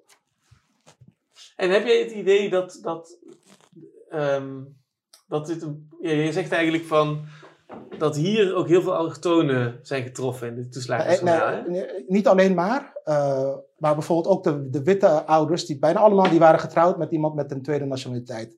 Die tweede nationaliteit is dus algoritmisch was het ingebouwd in die postmoderne razzia. Het is, dat racisme is dus niet, het was geen, niet iemand op laarzen die even binnen kan marcheren om je van je Mhm. huis te halen. Het is in een algoritmisch systeem ingebouwd, waardoor juist met name mensen van kleur aangepakt werden. Vanwege dubbele paspoort, zeg je? Of Ja, tweede nationaliteit. Dat was een belangrijke... Ja, dat eh, was een criteria. Dus één Ja, van de regels in het algoritme is, wordt dan, dus degene die die, die, die die regel heeft geschreven in het algoritme, dat is eigenlijk degene die... E- Eichmanns natte droom. Had, toen hadden ze nog geen algoritmes, anders had hij het zo gedaan. Dat was heel makkelijker dan eh, met al die pa- papierwerk. Adolf Eichmann, weet je wel. Dit is een postmoderne razzia geweest. En dan horen Grunberg dat Ru- Rutte de, de redding is tegen het fascisme. En dat hij Marokkaan is. Ja. Maar, maar hij mag Maar het wel goed, ja, je moet hem niet op zijn, op zijn woorden pakken in het publieke debat. Je moet gewoon eh, Blauwe Maan gelezen. Dat, dat is Ja, gewoon een goed ja. kunstwerk. En hij- je moet verder volgens mij Ja, niet zoveel tegen de... Dat is waar. tegen Goed de- voor mijn hart. Ja, ehm, eh, ja dit, dit is wel echt interessant. Dus ik ben eigenlijk benieuwd, nog steeds, dus, dus ik ga de vraag nog een keer stellen. Hoe, hoe zit het nou? Dus, dus er zijn mensen die zeggen er is geïnstitu- geïnstitutionaliseerd racisme. Er zijn mensen die zeggen van ja, maar het is gevaarlijk om, om dat zo te Ja. noemen. Want ehm, je creëert daarmee het idee dat alles, dat alle instituties racistisch zijn. Ja. En dan heb je dus mensen inderdaad die zeggen van nee, het gaat erom dat je wit huiswerk moet maken en actie moet voeren en in die symbolen moet strijden voor een soort wereldprobleem. En in, in die wereld probeer ik de zin van de onzin te scheiden. Het is toch ik het is krijg toch een kunstwerk. Dit is toch al alleen al een kunstwerk. Dat hele typisch Nederlandse. We debatteren over de woorden. We hebben het niet Ja. over de inhoud. We debatteren over wie wat mag zeggen. En of die het mag zeggen. En wanneer hij het mag zeggen. We hebben nooit een inhoudelijk debat in dit land. Inderdaad. We, Ja, dus die jij zegt, jij zegt van het begint er gewoon mee dat niemand praat. nee, want je, je, institutioneel racisme Wanneer heb je dit voor het eerst gemerkt dat er gewoon niet gepraat wordt? Je, je hebt ook ambities gehad en een droom en je bent gaan studeren. Je bent toch opgeklommen en, en je dacht van nou gaan we de wereld, weet je, als je jong bent gaan we de wereld Ja, veranderen. echt. Ja. En dus je had waarschijnlijk dat hemelbestormende. En hoe ben je dan erachter gekomen dat dat gesprek eigenlijk elke dag wordt verplaatst naar morgen? E- Eigenlijk recentelijk pas. eh, want ja, als je jong bent en je wil de hemel bestormen, dan ben je ook weerbaarder. Al dit soort shit, dat gaat dan, dan ga je toch door of zo. En af, af en toe zijn er wel mensen met wie dat kan doen. Mhm. Dat is een hele uitzondering. Maar elke keer, en niet alleen ik hoor, uh, Philomena Asset, die promoveerde in 1984 in Nederland op institutioneel racisme in Nederland. Goed onderbouwd, voetnoot en alles. Gewoon wetenschappelijk en met een uitleg erbij. Heel, heel beschaafd werk. Weet je wat er gebeurde? Ze werd verketterd. De NRC noemde haar een pretentieuze warhoofd. Ze is geëxcommuniceerd. Ze is naar de Antioch University gegaan in Californië. Heeft ze internationale carrière gemaakt. Een academica van wereldformaat. Waarom? Ze gebruikte een woord dat niet mocht. Dat, is, ik, ik heb zelf ook meegemaakt. Ja. Uh, of nou, ik, ik, kan ook andere woorden verzinnen. Ja, dus, dus Nederland is eigenlijk in, van de ene pol in de andere geschoten. Van, Oh, er is helemaal geen racisme naar iedereen is een racist. En, en beide is bullshit, maar dat, dat, komt omdat we nooit dus inhoudelijk gaan, hebben besproken waar we het over hebben. We hebben het over de woorden. Mag je het wel gebruiken? Oh, oh, nu is het subsidiabel Ja. en nu gaan we het af, afturven. Maar wat het betekent, nobody knows. Nobody knows. Ja, dus er is geen vocabulaire om het op een inhoudelijke manier überhaupt over die dingen te hebben. Ja. Dat was eigenlijk ook wat, wat Pim Fortuyn teweegbracht hè, in Nederland. Want, want toen, toen hij opkwam, ik was toen volgens mij 20 of 21. En alle mensen om me heen dachten van dit is gewoon een of andere enge Hitler die op Ja. is gestaan. Dat is gewoon het beeld dat werd gecreëerd. En pas jaren later ga je, duik je er echt Ja, in. ja. En dan denk je van, dat is toch wel interessant wat die allemaal... Wat hij nu Deed. zegt is het GroenLinks-programma, wat hij zei toen. Dat is nu GroenLinks Ja, dat is nu... Ja, dat is inderdaad, ja. Dat is echt zo. Dat is wel grappig, ja. dat is een mooi voorbeeld. Is, Ja, en hij agendeerde gewoon heel erg wat hij zag on ground level, gewoon in Rotterdam. Hè? Gewoon dat hij ziet van ja, dat zijn gewoon spanningsvelden. Als daar niet over gepraat wordt, dan, dan gaat dat in de nabije toekomst gewoon klappen. Hij, mocht het, hij mocht het niet zeggen. Eh, hij, hij mocht het gewoon niet. Het was niet eens. Van, weet je nog, eh, eh, Marcel van Dam, 1997, een debatprogramma op tv. Fortuyn had een boekje geschreven tegen de islamisering, whatever. En Mar, Marcel van Dam zei: Jij bent een buitengewoon minderwaardig mens tegen Fortuyn. Hij ging niet in op zijn argument. Ja, Mooi fragment is dat, moet je een keer terugkijken. Ja dus, dus dat, is wat, dat is een van de trucken die dan links inzet. Hè? Dus je, je pakt eigenlijk de man. Dus je Ja. zegt eigenlijk, je bent, je bent gewoon geen goed mens. Nee, maar, ja, En dat is eigenlijk het, het, het hoogste wat je kan afpakken in Nederland. Je goedheid. ja, dat die, en dat- dat- daarmee ook je bestaansrecht. Ja, Want ze waren blij hoor, toen eh Fortuyn werd vermoord. Gaan ze nog nooit bekennen. Ze waren van hem af. Eh, ik, linkse student, ik Heb studeer... je dat letterlijk gehoord of is dat je vermoeden? Nou ja, een, een eh, anarchistische student, die ook geschiedenis studeerde, die heeft gewoon een feestje georganiseerd. Ja, ja, dat was inderdaad dat was een soort van gekke stemming. Van, ja, joh. van Willem weg, maar ook weer niet dood, maar misschien toch wel. Of zo. Je merkte dat Ze waren iedereen, blij. Ze waren echt blij. iedereen was, was een beetje aan het zoeken hoe je mocht reageren daarop. Hè? Hoe kan ik en goed zijn en toch juichen en toch verdrietig kijken? dat is weer zo'n soort van... Toch de, de mooiste momenten in de Nederlandse cultuur. Is, zijn die momenten dat de Nederlander wordt wakker geschrokken. Doordat er een kortsluiting ontstaat. Ja, Dus ik bij- ga dat nooit en ja, handelen. die is die Ali, dat is bij Pim Fortuyn. En zijn deze voorbeelden zijn dat ook, hè? En hoe, hoe, hoe zie jij het nu? Hoe, jij, ik vind dat je... je ja, je, je, je, je, je praat pessimistisch, maar ik geloof je pessimisme niet helemaal. Want dat ik jou zie als een, als een enorme energie. Je hebt enorm veel Nee, ik ben, ik ben moe daadkracht. Ik ben moe Nee, sorry, daar geloof ik helemaal niks van. Er zit een enorme daadkracht in jou. Dat zie ik gewoon online. Dat, ik zie je Ja. als een soort storm, als een soort Tasmanian devil. gewoon overal ingaan. En dus, Ja. dus je bent helemaal niet zo teleurgesteld. Je ziet wel dat je in, de, in, in, in, in Engeland of in Amerika is meer open-ended. Dan kun je groeien, groeien, groeien. In Nederland zit er een plafond waar je al heel snel, een systeemplafond waar je al heel snel tegenaan botst. Dat klaag je eigenlijk aan. En jij zegt eigenlijk, je bent eigenlijk een voorbeeld voor, voor Nederlanders die een allochtone achtergrond hebben. Waarvan jij zegt van, wees wel ambitieus. Weet maar je, hoe, hoe, weet je wat hoe? de valkuil is hier? En ik ga heel eerlijk zijn tegen je. Ehm, kijk, aan, aan de ene kant ben ik het gewoon ook wel zat om steeds weer. En dat, ik wil mezelf niet, altijd- niet als een martelaar neerzetten. Maar ja, als je, als je dus, als je, als je inderdaad gewoon niet, in die zin, in die zin niet Nederlands bent. En je, je, wil, je, je hoort hier eigenlijk niet in deze intellectuele cultuur. Dan kun je weinig dingen doen. Nou ja, wat je dus wel kan doen is. ehm, ik weet niet of je trollen moet noemen. Maar het makkelijkste in Nederland is om. En ik, en ik probeer dat altijd onderbouwd met de inhoud te doen. Gewoon. Oh, we mogen het hier niet over hebben. Weet je wat ik, wat ik moet doen? Ik heb het hierover. Waar je nooit eens. Het is niet eens in je blikveld. En dit is het. En dan gaat iedereen in de kortsluiting inderdaad. En dan bereik je wel iets. Want als je hier binnen iets wil agenderen wat niet besproken mag worden, word je genegeerd. Ik weet niet of ik het goed uitleg hoor. Ja, ja. Dus wat blijft er dan over? Keihard trollen. Maar dan, ik, ik probeer het met inhoud te doen, met onderbouwing. En een beetje echt... Ik, ik ben, mijn ambitie is de komende jaren...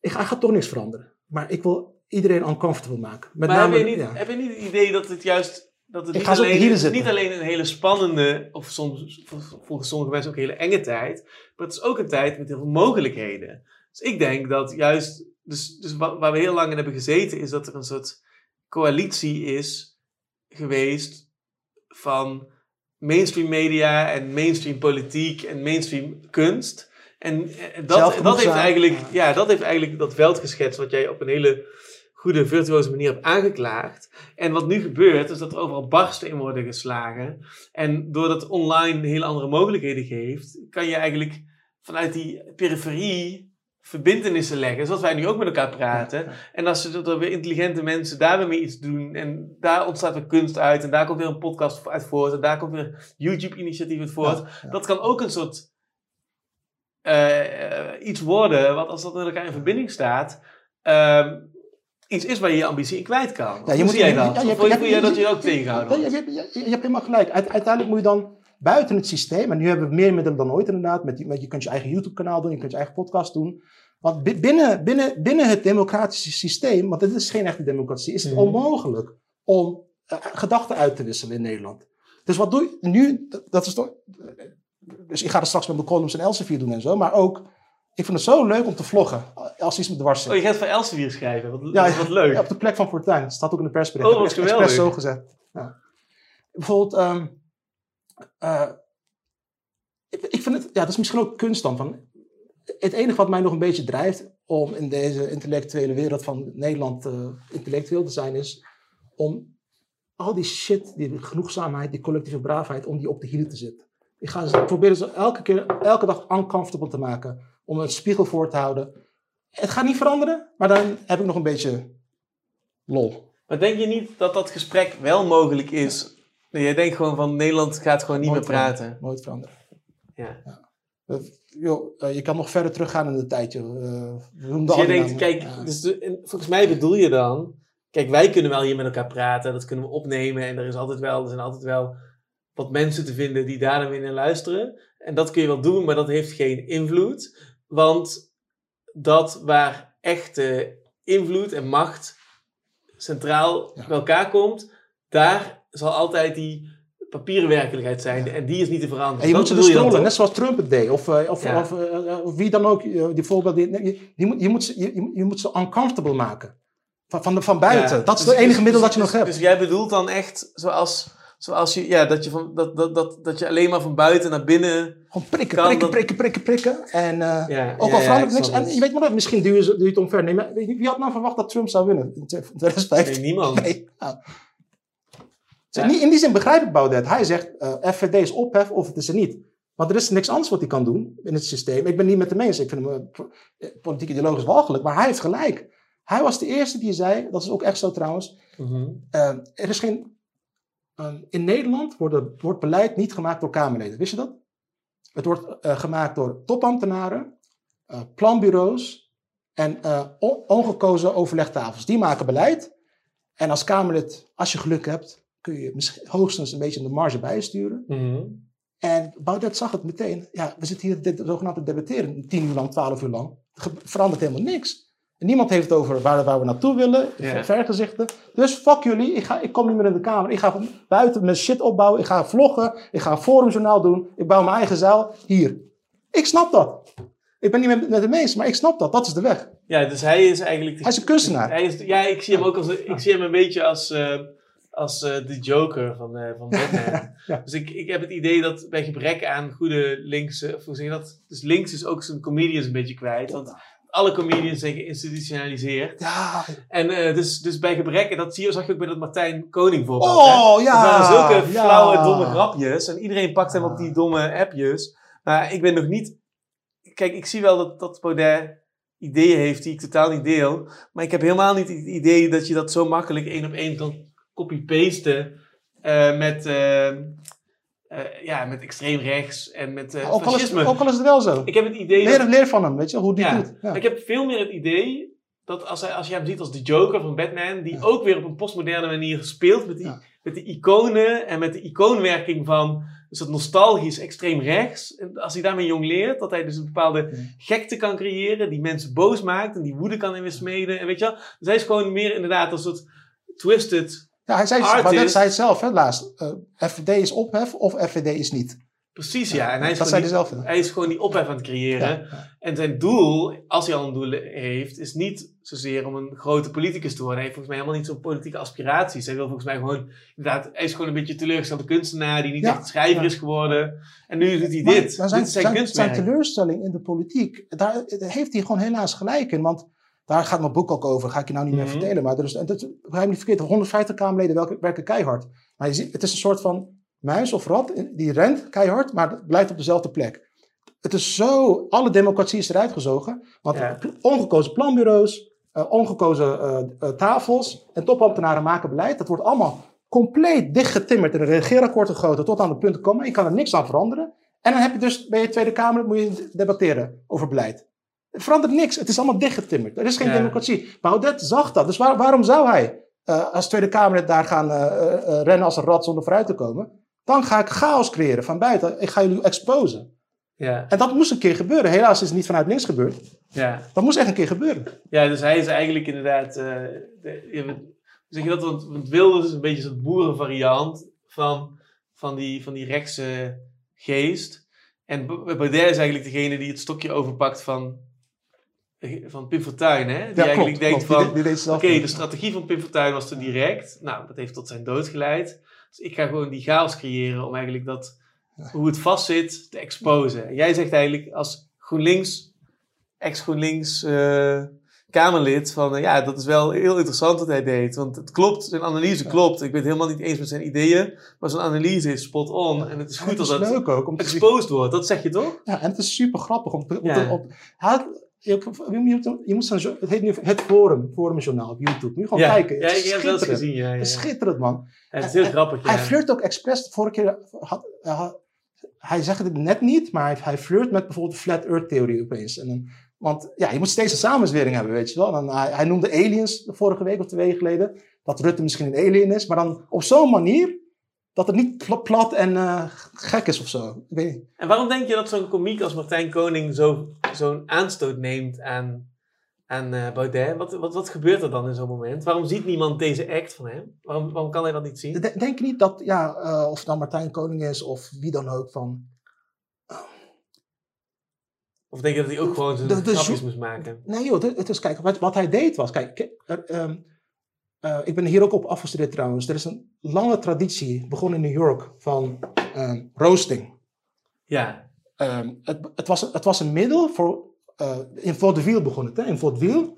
eh, voor maar wat we nu comedians noemen, gingen onder elkaar elkaar roosten tot in de verte om, het, om, om hun skills te honen. Het was een Mhm. instrument om je skills als comedian te... Dus niks was te gek.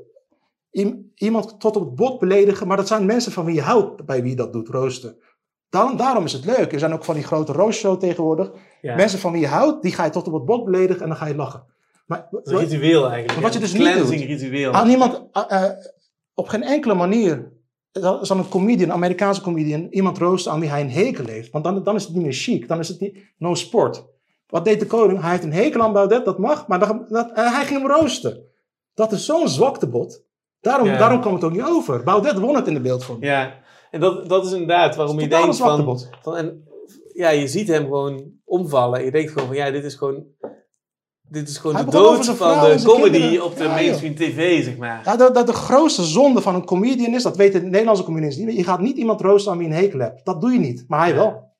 Ja, en, en, ehm, en je zag ook, dus Baudet die, die stond ook op en die liep weg. Ja. Maar je ziet hem eigenlijk die mogelijkheid zien. Hè? Je ziet hem eigenlijk als acteur, je ziet hem eigenlijk die schakels maken van, oh wow, hij geeft me hier heel mooi ruimte Ja. om, eh, om er deze helemaal in te koppen. Ik kan nu even mijn, mijn ik kan de vrouw in mezelf aanspreken die, die een beetje verongelijkt is. En dan gaat hij eerst dat gezicht trekken zo, een beetje zo, hmm, ik vind het niet leuk hoor. En dan trekt hij nog een gezicht van, oeh, dit gaat wel erg ver. En dan nou is het genoeg, ik sta op. Hij en dan gaat hij helemaal die act doen. Hij, hij, en dat wordt ook niet als act ontmanteld, hè? het, het, dus het, ehm, de bedoeling van Martijn de Koning was om zelf te deugen en verheven te zijn. En het Ja. werd compleet van hem afgepakt. De waardigheid kwam naar Baudet in plaats van bij de deugende linkse comedian. Het, het was, En dan, en dan zie je dus ook vervolgens in, eh, weet ik veel, de Volkskrant, NRC, of de Groene Amsterdammer, of ik weet, ik weet niet meer precies, ik herinner me niet meer precies wie allemaal op het stuk op dat moment hebben gereageerd, maar in ieder geval die, die, die zogenaamde progressieve linkse kanalen, die, zijn, die gaan allemaal vierkant achter ja, eh, dat, dat bedoel ik. Martijn Koning staan, omdat ze dus allemaal bang zijn voor Baudet, omdat ze het niet als een act kunnen zien. Exact. En dat is eigenlijk mijn vraag. Hoe komt dat? Hoe kan het dat, dat dus de hele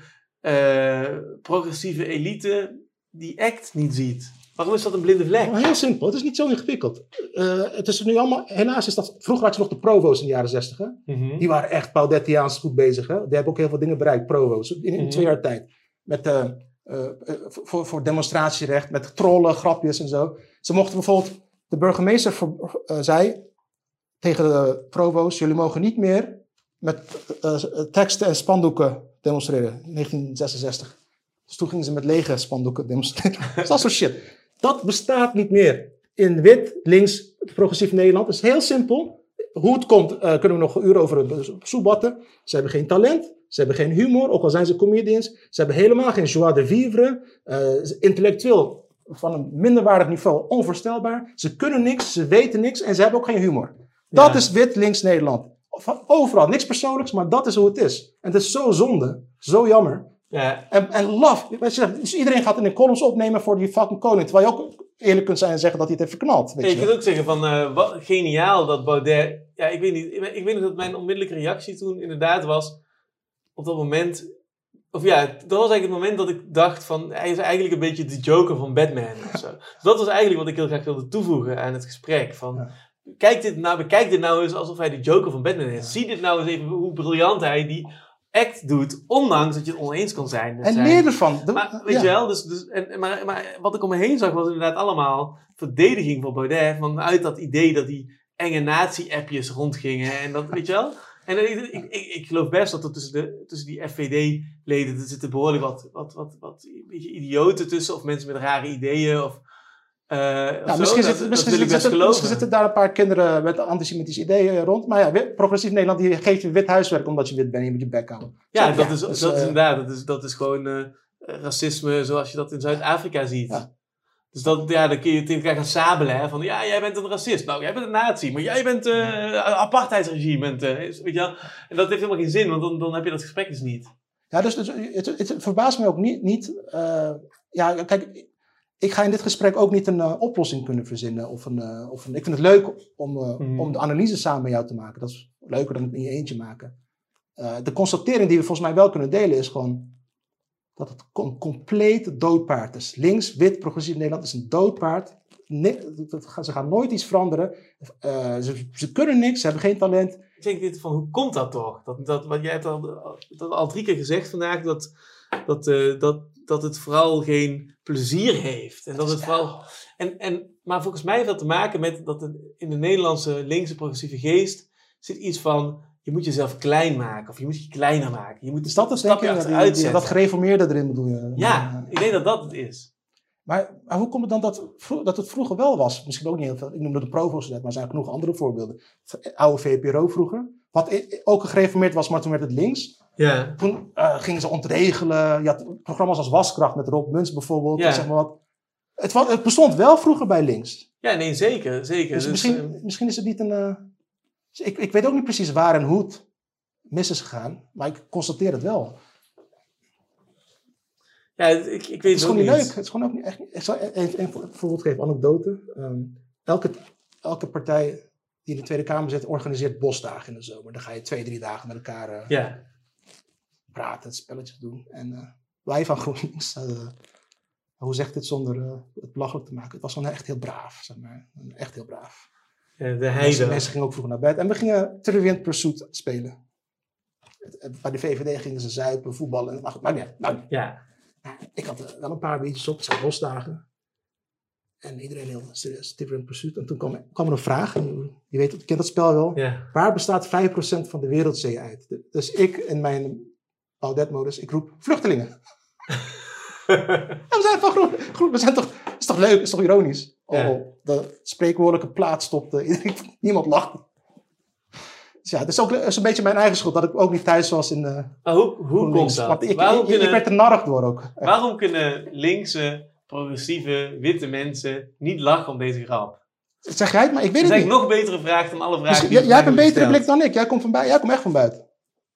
Ja, ik denk, dus wat ik de laatste, dus ik ben nu die podcast aan het maken en ik heb een aantal gesprekken en in één keer begint een soort vermoeden bij mij te reizen van wat al die dingen met elkaar te maken hebben.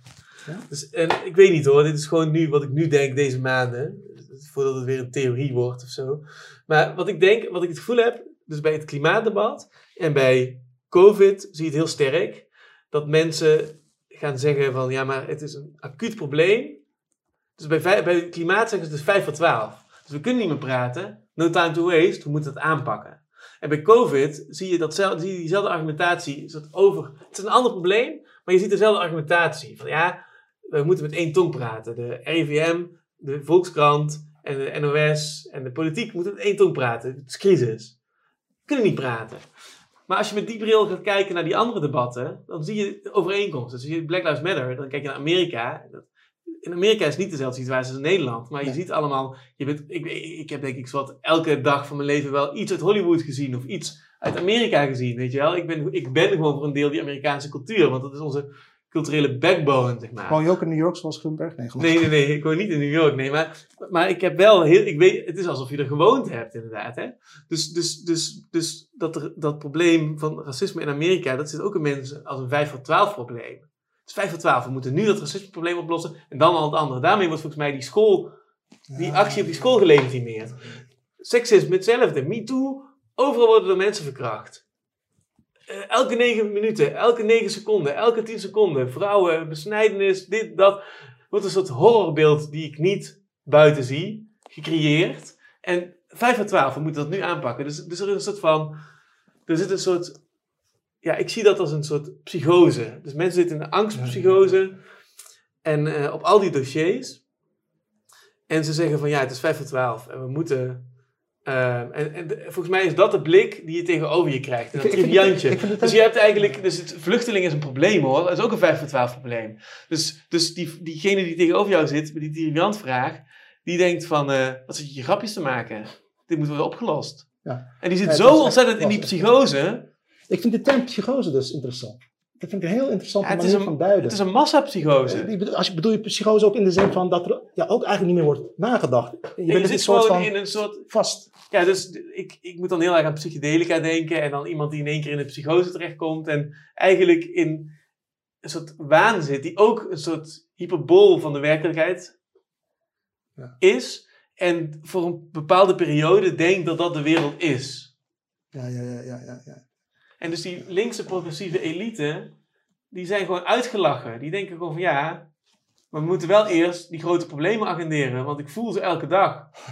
Ik moet al huilen als ik de, als ik de topjes van de boontjes weggooi. Want, eh, want dat is groente verspillen. Vandaag, was er een column in de NRC. Ik ga haar, haar naam niet noemen, je kunt het vinden. Van, eh, gisteren was het IPCC-rapport. Een columnist in NRC die schrijft... Gisteren toen het rapport uitkwam, werd mijn zoontje van 13 zo depressief... Ja. Dat ik hem oxazepam heb gegeven. ja, ik heb het ook gelezen, ja. Het is volgens mij letterlijk psych- psychose shit. Ja, ja je, je neemt was je van het was geen- 14. ik dacht, is het Ellen? Dekwits, geen eh, ironische... dit. Ja, Ellen- ik ken haar dus. Ja, Ellen Dekwits. Het was geen ironische column, hè? Het is Nee. echt. Ja, dus, men- dus ik heb ook ooit een discussie gehad met iemand van 21 die zei: klimaatdepressie is real. Weet je wel? ja. Ja. Ze, hebben, ze hebben activism fatigue. Ze- en ze- Ja. ja. Maar ja, dus, dus, dus als je gewoon. Het is niet zo dat. Maar is het ook niet narcistisch? Ja, natuurlijk. Ik werd er depressief van. Want ik ben zo beko- bekommerd met de wereld. En er is een IPCC-rapport en ik kan niet slapen. Kijk mij. Ik chargeer misschien een beetje hoor. Maar het, het is toch een soort van, ook een soort van heel geprivatiseerd narcisme. Op het individu gericht bijna. En het is niet eens... Wat is dat? Ja. Ik zie het vooral bij die jongeren. hè. Bij- die jongeren die al eens wit- witte provinciale puizenkoppen die heel links zijn. Die allemaal voor Palestina zijn. Die allemaal BLM zijn. Ja. Eh, allemaal eh, selfies aan het maken zijn en iedereen de maat aan het nemen zijn. Die dan niet tot het punt, komma in die secte zit. Ze zijn 21. Ze, ze, ze Ja. weten niks, ze kunnen niks onderbouwen. Ja. Als je überhaupt als een vraag van onderbouwen is, dan ben je al een nazi. Hè? Hoe durf je te vragen? Of, het is een soort van narcisme ook. Van ik moet het, ik, kijk mij eens. Weet je wel? Ik had er gisteren een, uh, een uh, YouTube-video gezien. Uh, ik ben even de, de, de, naam vergeten van degene die dat gemaakt had. Dat ging eigenlijk over Envy. Die in twee uur tijd legde zij zijn trans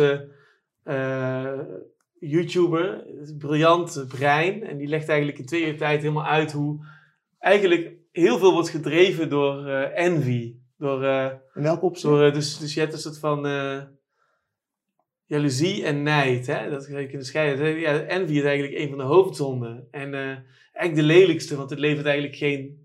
Het werpt geen vruchten af. Terwijl bijna alle andere hoofdzonden wel vruchten afwerpen. Maar mm. envy is alleen gif. En uh, dat was eigenlijk heel goed uitgewerkt. En als je met die bril gaat kijken naar heel veel van die bewegingen... Dus dan zou je kunnen zeggen, de progressieve witte elite dicteert dat je een stapje terug moet nemen en ruimte moet, uh, moet maken. Dus je mag niet ambitieus zijn. Hè? En er ontstaat heel veel ja, en, en, en, en, dus dan krijgen heel veel mensen weinig kansen. En dat, is een, dat is een kweekvrijver voor, voor die emotie die je dan voelt. Een soort wrokkige jaloezie. En dan ga je dingen omlaag halen, want je krijgt geen kansen. En het is niet dat je dus zelf dan die kans voor jezelf creëert. Het is gewoon puur de genieting van het omlaag halen van iets anders. Het is reactionair in die zin ook. Precies, ja. Dus dat is eigenlijk wat je dan ziet. Dus het is eigenlijk gif. Ja. En, dat is dan nog, nog ja, mijn ambitie is dus van... Ehm, ja, wat Baudet dus ook briljant doet. Maar ik ga, dat, ik ga de komende jaren nog een laatste, hoe zeg je dat? Schwung eraan geven om, hopelijk met, met humor en vleugironie, om uh, dit belachelijk te maken. Ik ik wil ook een soort van joker zijn, weet je wel. Um, want uh, meer zit er niet in. Je moet er zelf van kunnen genieten. Je moet het als, als een soort kleinkunstenaar benaderen, denk ik ook wel, nu ik ermee over praat. Dan is, het nog, dan is het nog leuk of zo. Want geloof me, even helemaal uitzoomen, want dit heeft geen lang leven meer. We krijgen in Nederland, in Nederland de volgende Trumpiaanse omwenteling. We hebben Brexit, Trump, de next one is Nederland. Als je, als je uitzoomt, zie je dat allemaal bij elkaar komen. En waarom denk je dat? Nou, omdat uh, uh, de progressieve zelfgenoegzaamheid, het gebrek aan eigen ideeën. Er is geen ander land in Europa met inmiddels zoveel flexcontracten als Nederland. Wist je dat? Mhm. mensen, mensen hebben geen tanden meer, omdat ze de aanvullende zorg niet meer kunnen betalen. Geprivatiseerd in Nederland, de zorg. Zelfs Thatcher heeft dat niet gedaan. We leveren een neoliberale sorry, hel in Nederland. Dat is even een waterpakmoment. Nou, ik, ik, ik weet zeker, dat onderschatten mensen, na Brexit en na Trump is Nederland de volgende. Juist Nederland. Want Baudet gaat dit allemaal winnen namelijk. Of het nou deze Baudet is of er een volgende is. Uh, er is geen land in Europa met zoveel flexibele contracten als Nederland. We hebben de zorgverzekering geprivatiseerd. Mensen lopen nu zonder tanden rond, arme mensen, omdat ze de aanvullende zorg niet kunnen betalen. We hebben een mhm. schuldensysteem opgebouwd in het onderwijs. Geen ander Europees land heeft dat, continentaal. In Nederland is er een neoliberale hel, die alleen maar groeit voor de have-nots. Mhm. Dus de tweedeling. En dat gaat zo'n totale revolte veroorzaken. Zoals met Trump, zoals uh, met Brexit. Ja. In, juist Nederland, niet de andere niet België, niet Duitsland. En niemand ziet dat dit eraan komt. Uh, maar Baudet gaat dit winnen. Dus wat, wat, valt, eigenlijk... wat blijft er over van mij om te doen dan?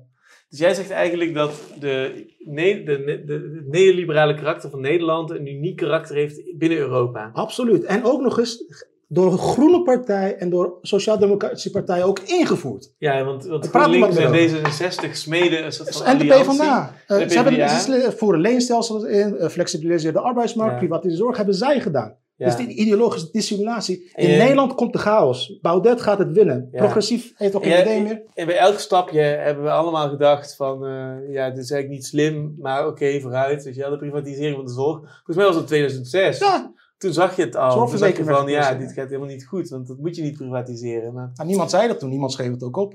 Het is... Nee, maar dat is wel wat je, wat je dacht, volgens mij. Of ik, ik, kan me nog vaag herinneren, maar ik weet wel dat iedereen er een beetje tegenop zag. Zo van, ja, maar Waarom? de zorg privatiseren, uh, je, zag, je zag toch geen concurrentie in ziekenhuizen? Dat, dat was gewoon onzichtbaar. Je dacht gewoon van, ja, maar een ziekenhuis is toch gewoon ja. Mensen een huis voor zieken. Weet je hoeveel rancune hieruit voorkomt bij gewone mensen op al die domeinen? En het sluimert onder de oppervlakte. En jij zegt eigenlijk dus... De revolte komt eraan. De, de, ja, dus, dus jij ziet eigenlijk dat, dat unieke karakter van Nederlandse neoliberalisme. Ik heb er laatst een best wel een heel goed boek over gelezen. ehm, van, eh, Maar hoor je wel wat ik zeg? Ik zeg, Ja. Baudet gaat winnen. ja, Dat moet ook, het. ja, progressieve luisteraars, die moeten dat goed in Je oren moet knopen. daarvan schrikken. Maar je, je- ja, ja. Dus jij zegt eigenlijk, maar jij zegt volgens mij eigenlijk van er komt na Baudet een nieuwe. En die staat op en die... Of, of deze, maakt niet uit, weet je wel. Hij heeft acht zetels gehaald na antisemitische apps. Acht zetels. Iedereen Ja. dacht dat hij finished was. Wat, wat zegt dat? Dat is een teken aan de wand, vriend. Ja, maar ik denk dat, dat, dat zijn acht zetels ook voor een heel groot deel met Van Haga te maken hebben gehad. Maakt niet uit. Het, het punt is, de FVD heeft acht zetels gehaald. Zelfs na al die demonisering, shit, antisemitische apps. Dat betekent dat er zoveel mensen hebben geen hoop meer. We zitten aan de vooravond van Trump 2016 en Brexit 2015 in Nederland. Het monster gaat opstaan. Ja. Of het nou deze Baudet wordt of de volgende. Wat valt er dan nog te doen voor iemand als jij bijvoorbeeld of, of ik? Het is, niet meer te redden. Dus je kunt beter, eh, je kunt beter als een, een soort van progressieve joker, weet ik veel wat. Tegen de schenen van, van, de, van de, de oorzaak hiervan, de zelfgenoegzame progressieve elites. Zij, zij zijn de oorzaak. Zij hebben ook het neoliberalisme Ja. ingevoerd. Ik wil hen kapot maken. Ik, wat heb ik eraan om Baudet aan te vallen? Ja, is ik- makkelijk. Ik is heb, makkelijk. ik heb dus altijd de. Ik ben, ja, ik ben daar misschien naïef in. Maar ik heb dus altijd nog wel de hoop dat je dus ehm, uit die psychose kan komen. Dus ik denk van, eh, ja, er, zu- zullen toch ook wel linkse mensen zijn die opportunistisch genoeg zijn om hier de vacature of de niche te zien. Ik hoop het. Ik zie ze niet. Maar, Dus je, wil, je hebt eigenlijk een soort links opportunisme nodig, die Ja, je eigenlijk ja. gewoon ziet van, oh ja, je mag gewoon ambitieus en frivol en gek Ja. en losbandig zijn op een soort gekke linkse Spelplezier. manier. En, eh, en, en dan, ja, misschien, ja, misschien heb je gelijk hoor. Ik- waar, waar zijn ze dan? Ik, heb altijd, ik ben altijd wel, ik heb me altijd wel kritisch verhouden tot neoliberalisme. En ik heb dat altijd heel erg gezien als iets wat uit Engeland komt en naar Amerika is overgewaaid. En ehm, ik heb daar laatst een heel goed boek over gelezen van, van John Gray, die eigenlijk de, de, de oorsprong herleidt naar de eind, eh, eh, laten zeggen 1890 of zo, of 1880. Dat er een soort van sociale experimenten plaatsvonden. Best wel kleinschalig. En dat ging er heel erg over inderdaad dat mensen die drop-out waren, die, die werden ook een beetje gestigmatiseerd. Die kregen heel weinig sociale voorzieningen, waardoor je een soort van perverse impuls krijgt om te gaan meedoen aan die red race. Hè? En dat zie je dan ook met Thatcher in de jaren 80, geloof ik, eigenlijk een soort revival krijgen. Dus dat is eigenlijk een soort van. voor- ehm, en ook ehm, met Reagan in Amerika. Dus Reagan en Thatcher zijn eigenlijk de twee Ja. die in de jaren 80 de neoliberale agenda oppakken van dat experiment van vroeger. En wat jij zegt nu, en ik dacht dat dat een globale of een soort meer Europees brede beweging was, maar jij zegt nee. Het unieke aan Nederland met dat beetje Rutte-achtige beleid is dat wij hier heel snel heel veel van die neoliberale. Zelfs Thatcher heeft de zorgverzekering niet geprivatiseerd. Dat durfden ze niet aan. Nederland heeft het wel gedaan. En hoe Dus komt dat? Waarom heeft Nederland dat gedaan? Wat is er, wat is er zo? PvdA en GroenLinks. En waarom? Ideo- ik noem het ideologische dissimulatie. En waarom? Wat er in hun hoofd omging, kan ik nooit achterhalen. Ik zet niet in hun hoofden. Ik praat... Diederik Samson, die dit heeft gedaan, hè? ook Ja, keihard. Die verdedigt het nog steeds in zijn columns, alsof het Ja. iets goeds was. Dus ik, ik ga mijn tijd niet verspillen aan proberen erachter te komen waarom ze het hebben gedaan. Ik vind het leuk om te analyseren dat ze het hebben gedaan. En ik vind het ook leuk om te proberen te begrijpen, de, uitgezoomd, wat is de gevolgtrekking? Het beest gaat in Nederland opstaan. Dat moeten mensen niet onderschatten. Het komt Ja, maar dan- allemaal hier bij elkaar. Het is dan- erger dan Engeland. Het is erger dan Amerika. Maar dan klink je een beetje als een, als een soort van onheilsprofeet. Ja, ja, klopt. Dat ben ik ook. Ja. Ja, maar, dat, maar dat, ook dat geloof ik niet helemaal. Waarom niet? Nou, omdat ik denk van, dat is niet, kijk, dat je zegt van, het komt eraan mensen.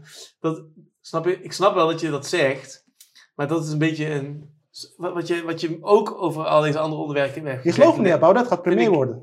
Onthoud Ja, wat ik zeg. Dus, dus jij ziet een provocatie volgens mij in het wakker schrikken van mensen door dit te zeggen.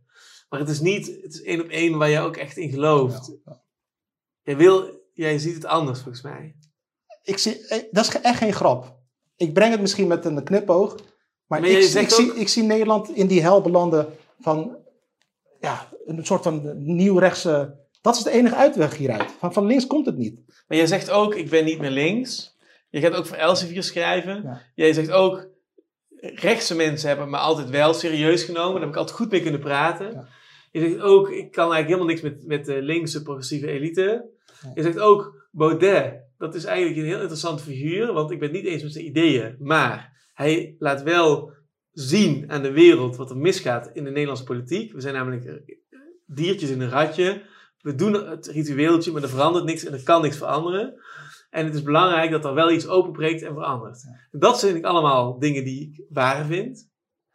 En in, in, in dat licht vind ik het ook helemaal niet zo belangrijk om te zeggen van... Pas op mensen, want Baudet wordt groot. Ik niet vind pas dat- op. als Ik ik andere dingen vind ik veel belangrijkere dingen. Snap je? Daar, zo bedoel Ja, ik eigenlijk ik snap wat je zegt, hoor, maar ik zeg ook niet pas op. Ik, ik voorspel gewoon dat het gaat gebeuren. En dat, ik- in zekere zin is het ook leuk.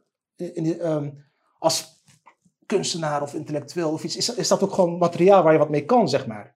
Want eh, wat is er nou leuker dan dag in dag uit, en door dit gesprek ben ik nu extra geïnspireerd, dag in dag uit, al die totaal talentloze, laffe mafkezen van wit progressief Nederland, om ze dag in dag uit tegen de scheen aan te schoppen vanwege dit. Dat is toch schitterend? Ja, het is Ze kunnen, ze kunnen roepen wat ze willen. Ze kunnen Baudet uitschelden wat ze willen. Met de roos en zo. Hij had acht zetels, volgende keer had hij er tien. Ja, het is ook zo, inderdaad, dat als je, het- als, je, als je het bekijkt met die bril, dan is het gewoon zo grappig, dat talentloze, weet je wel. Dan, Ja, ze kunnen niks. dan zie je weer zo van, ik moet dan denken, meteen denken aan die, was laatst zo'n klimaatveranderingsroman of zo. Dat, wordt dan, dat is dan iets wat dan heel erg wordt, dat wordt dan genoemd bij de beste boeken volgens de Groene Amsterdammer van de Oh. laatste 20 jaar of zo.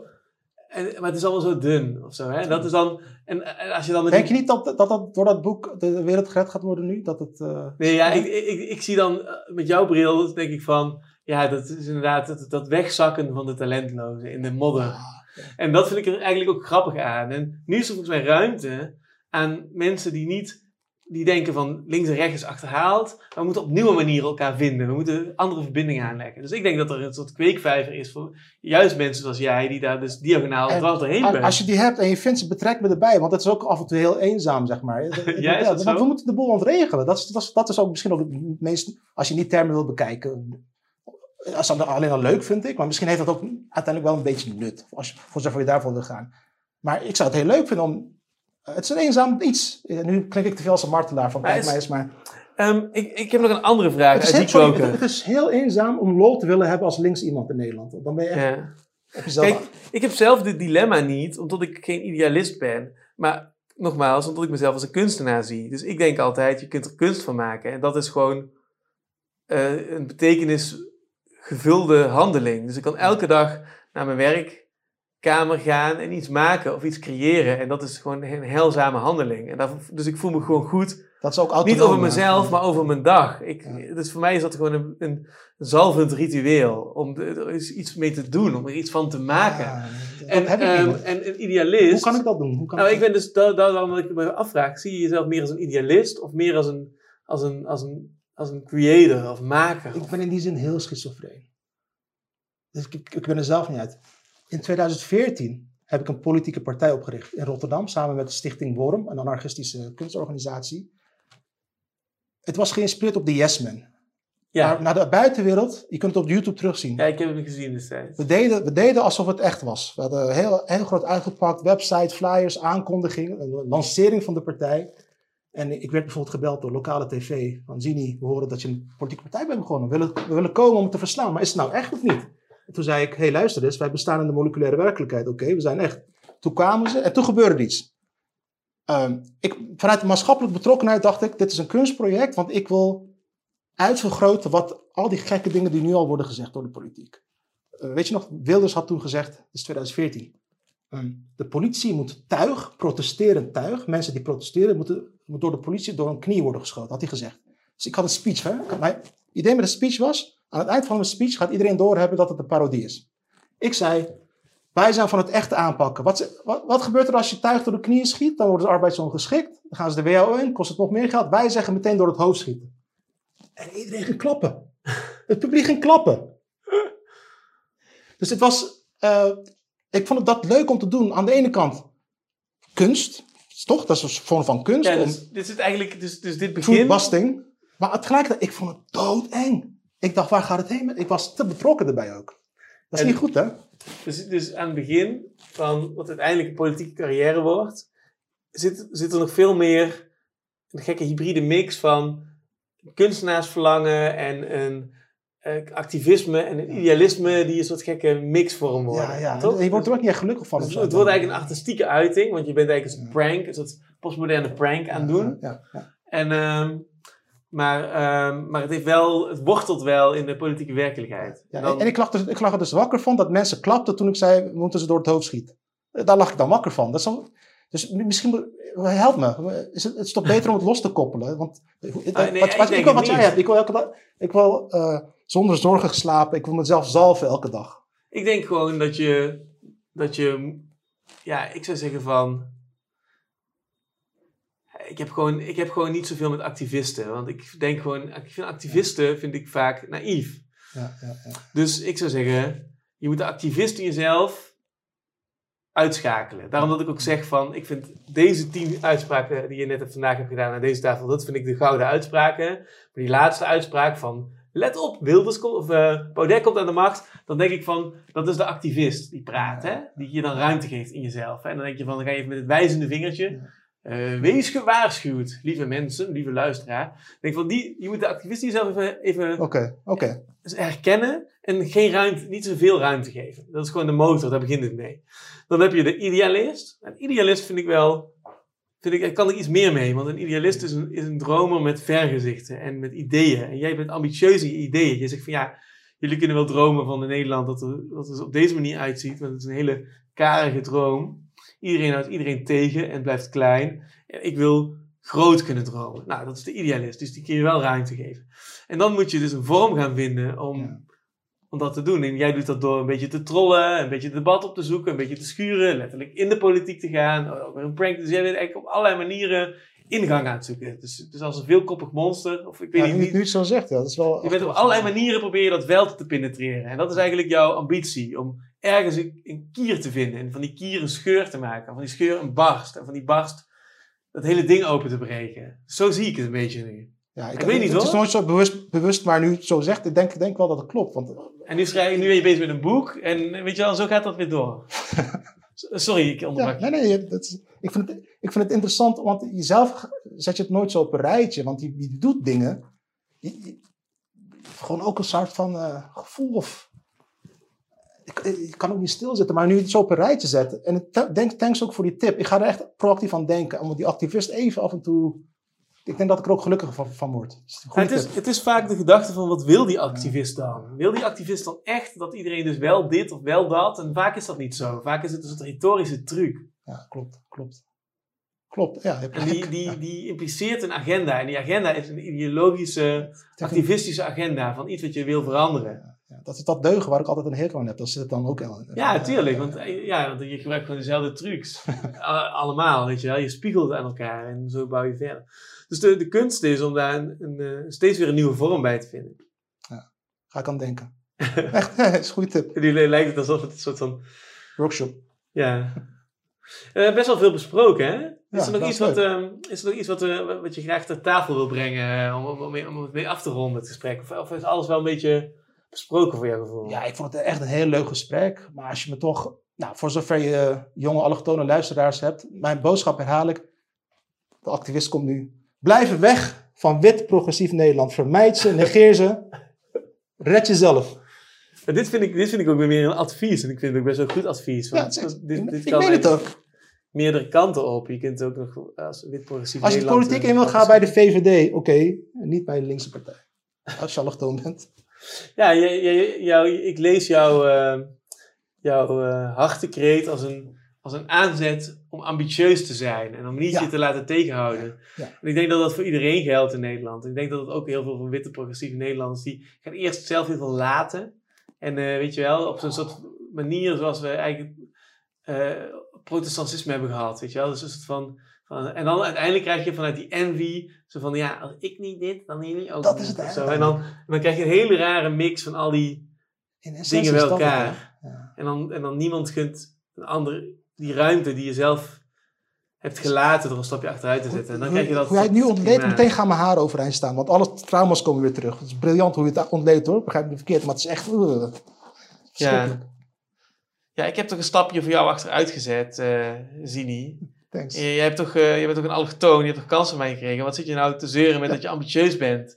Eh, ik, ik, ik ben niet ambi- ambitieus. Ik heb dat gelaten voor jou. Ja, En dat is heel paternalistisch, Ja, heel betuttelend. absoluut. Absoluut. De Turk met een grote bek, dat, moet- dat moet niet, dat kan niet. Nee. Nee, want ik heb een, grote bek ingehouden en nu mag jij het wel. dat, dat is niet eerlijk. Dat is de bottom line. Ja.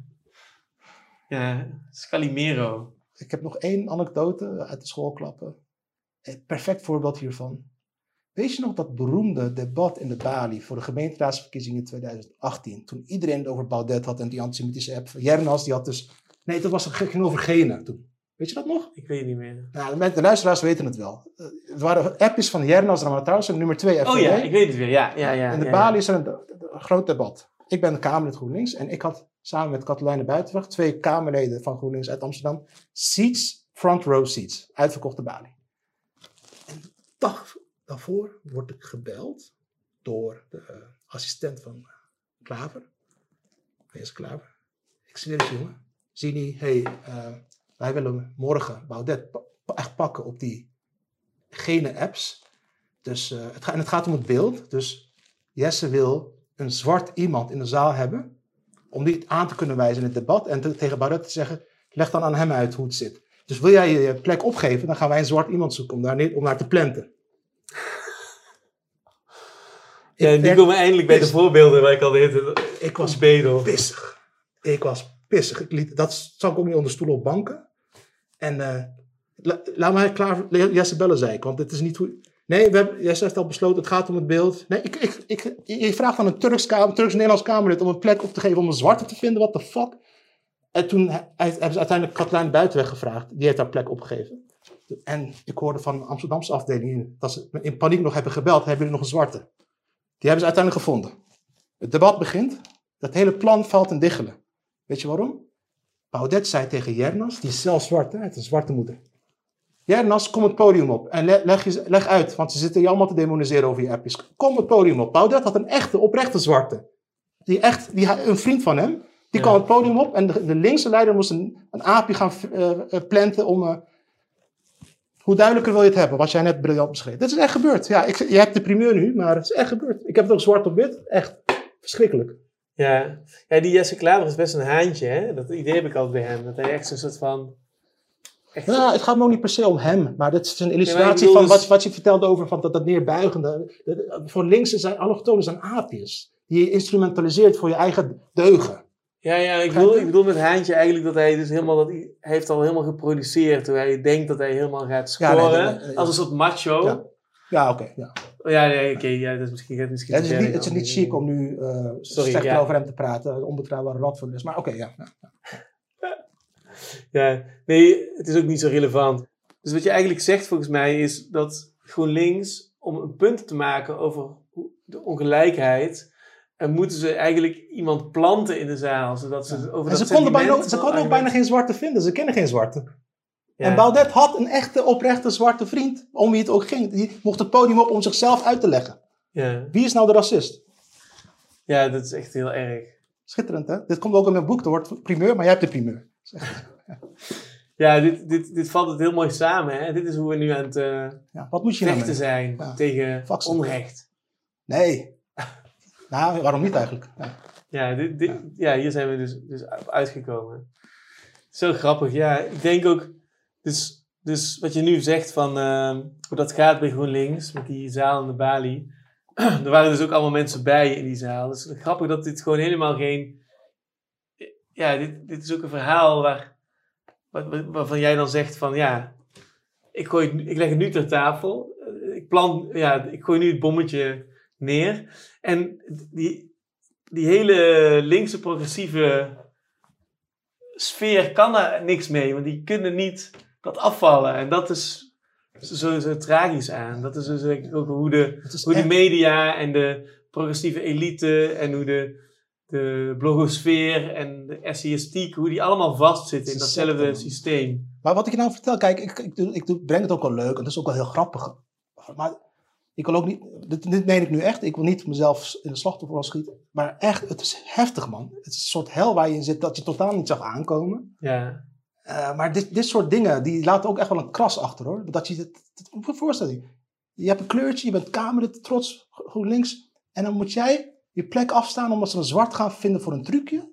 Ja. Omdat ze tegen racisme zijn? What the fuck? Ja. Het is echt, ja, ik, eh, ik kan er nu een beetje om lachen, maar het is echt, was echt niet leuk. Wat doe ik tussen die mensen? Ja. Ga weg. En wat, wat, wat, Ik ga, ik ga liever bij FVD, man. en, en, en wat is, het, wat is het, het, de trigger geweest om uiteindelijk weg te gaan? Ik wilde helemaal niet weggaan. Ik wilde helemaal niet weggaan. Ik, ik, ik heb het interview gegeven dat we af moeten van het leenstelsel. Ooit door GroenLinks in, eh, geïnterviewd. En dat was trouwens na twee jaar proberen intern te zeggen van we moeten... Nou, ja, toen ben ik... Ja, lang, het is eh, lang verhaal kort. Ik ben een beetje verraden, zeg maar. Want er kwam een gesprek daarna met, eh, met Klaver. En dat was heel agressief. Echt heel agressief. En ik raakte in paniek.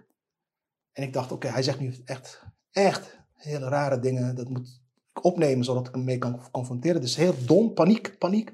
Oh, er is een dictafoon op mijn telefoon. Dus ik eh mislukt ook. Maar na dat gesprek, dat agressieve, echt gewelddadige gesprek, heel onveilig voelde ik me, heb ik meteen een Kamerlid gebeld van GroenLinks, die zichzelf altijd als een soort van vertrouwenspersoon opwierp. Zoals ook een clusterhoofd, die altijd tegen mij zei, je kunt alles tegen me zeggen. Ik heb haar meteen gebeld.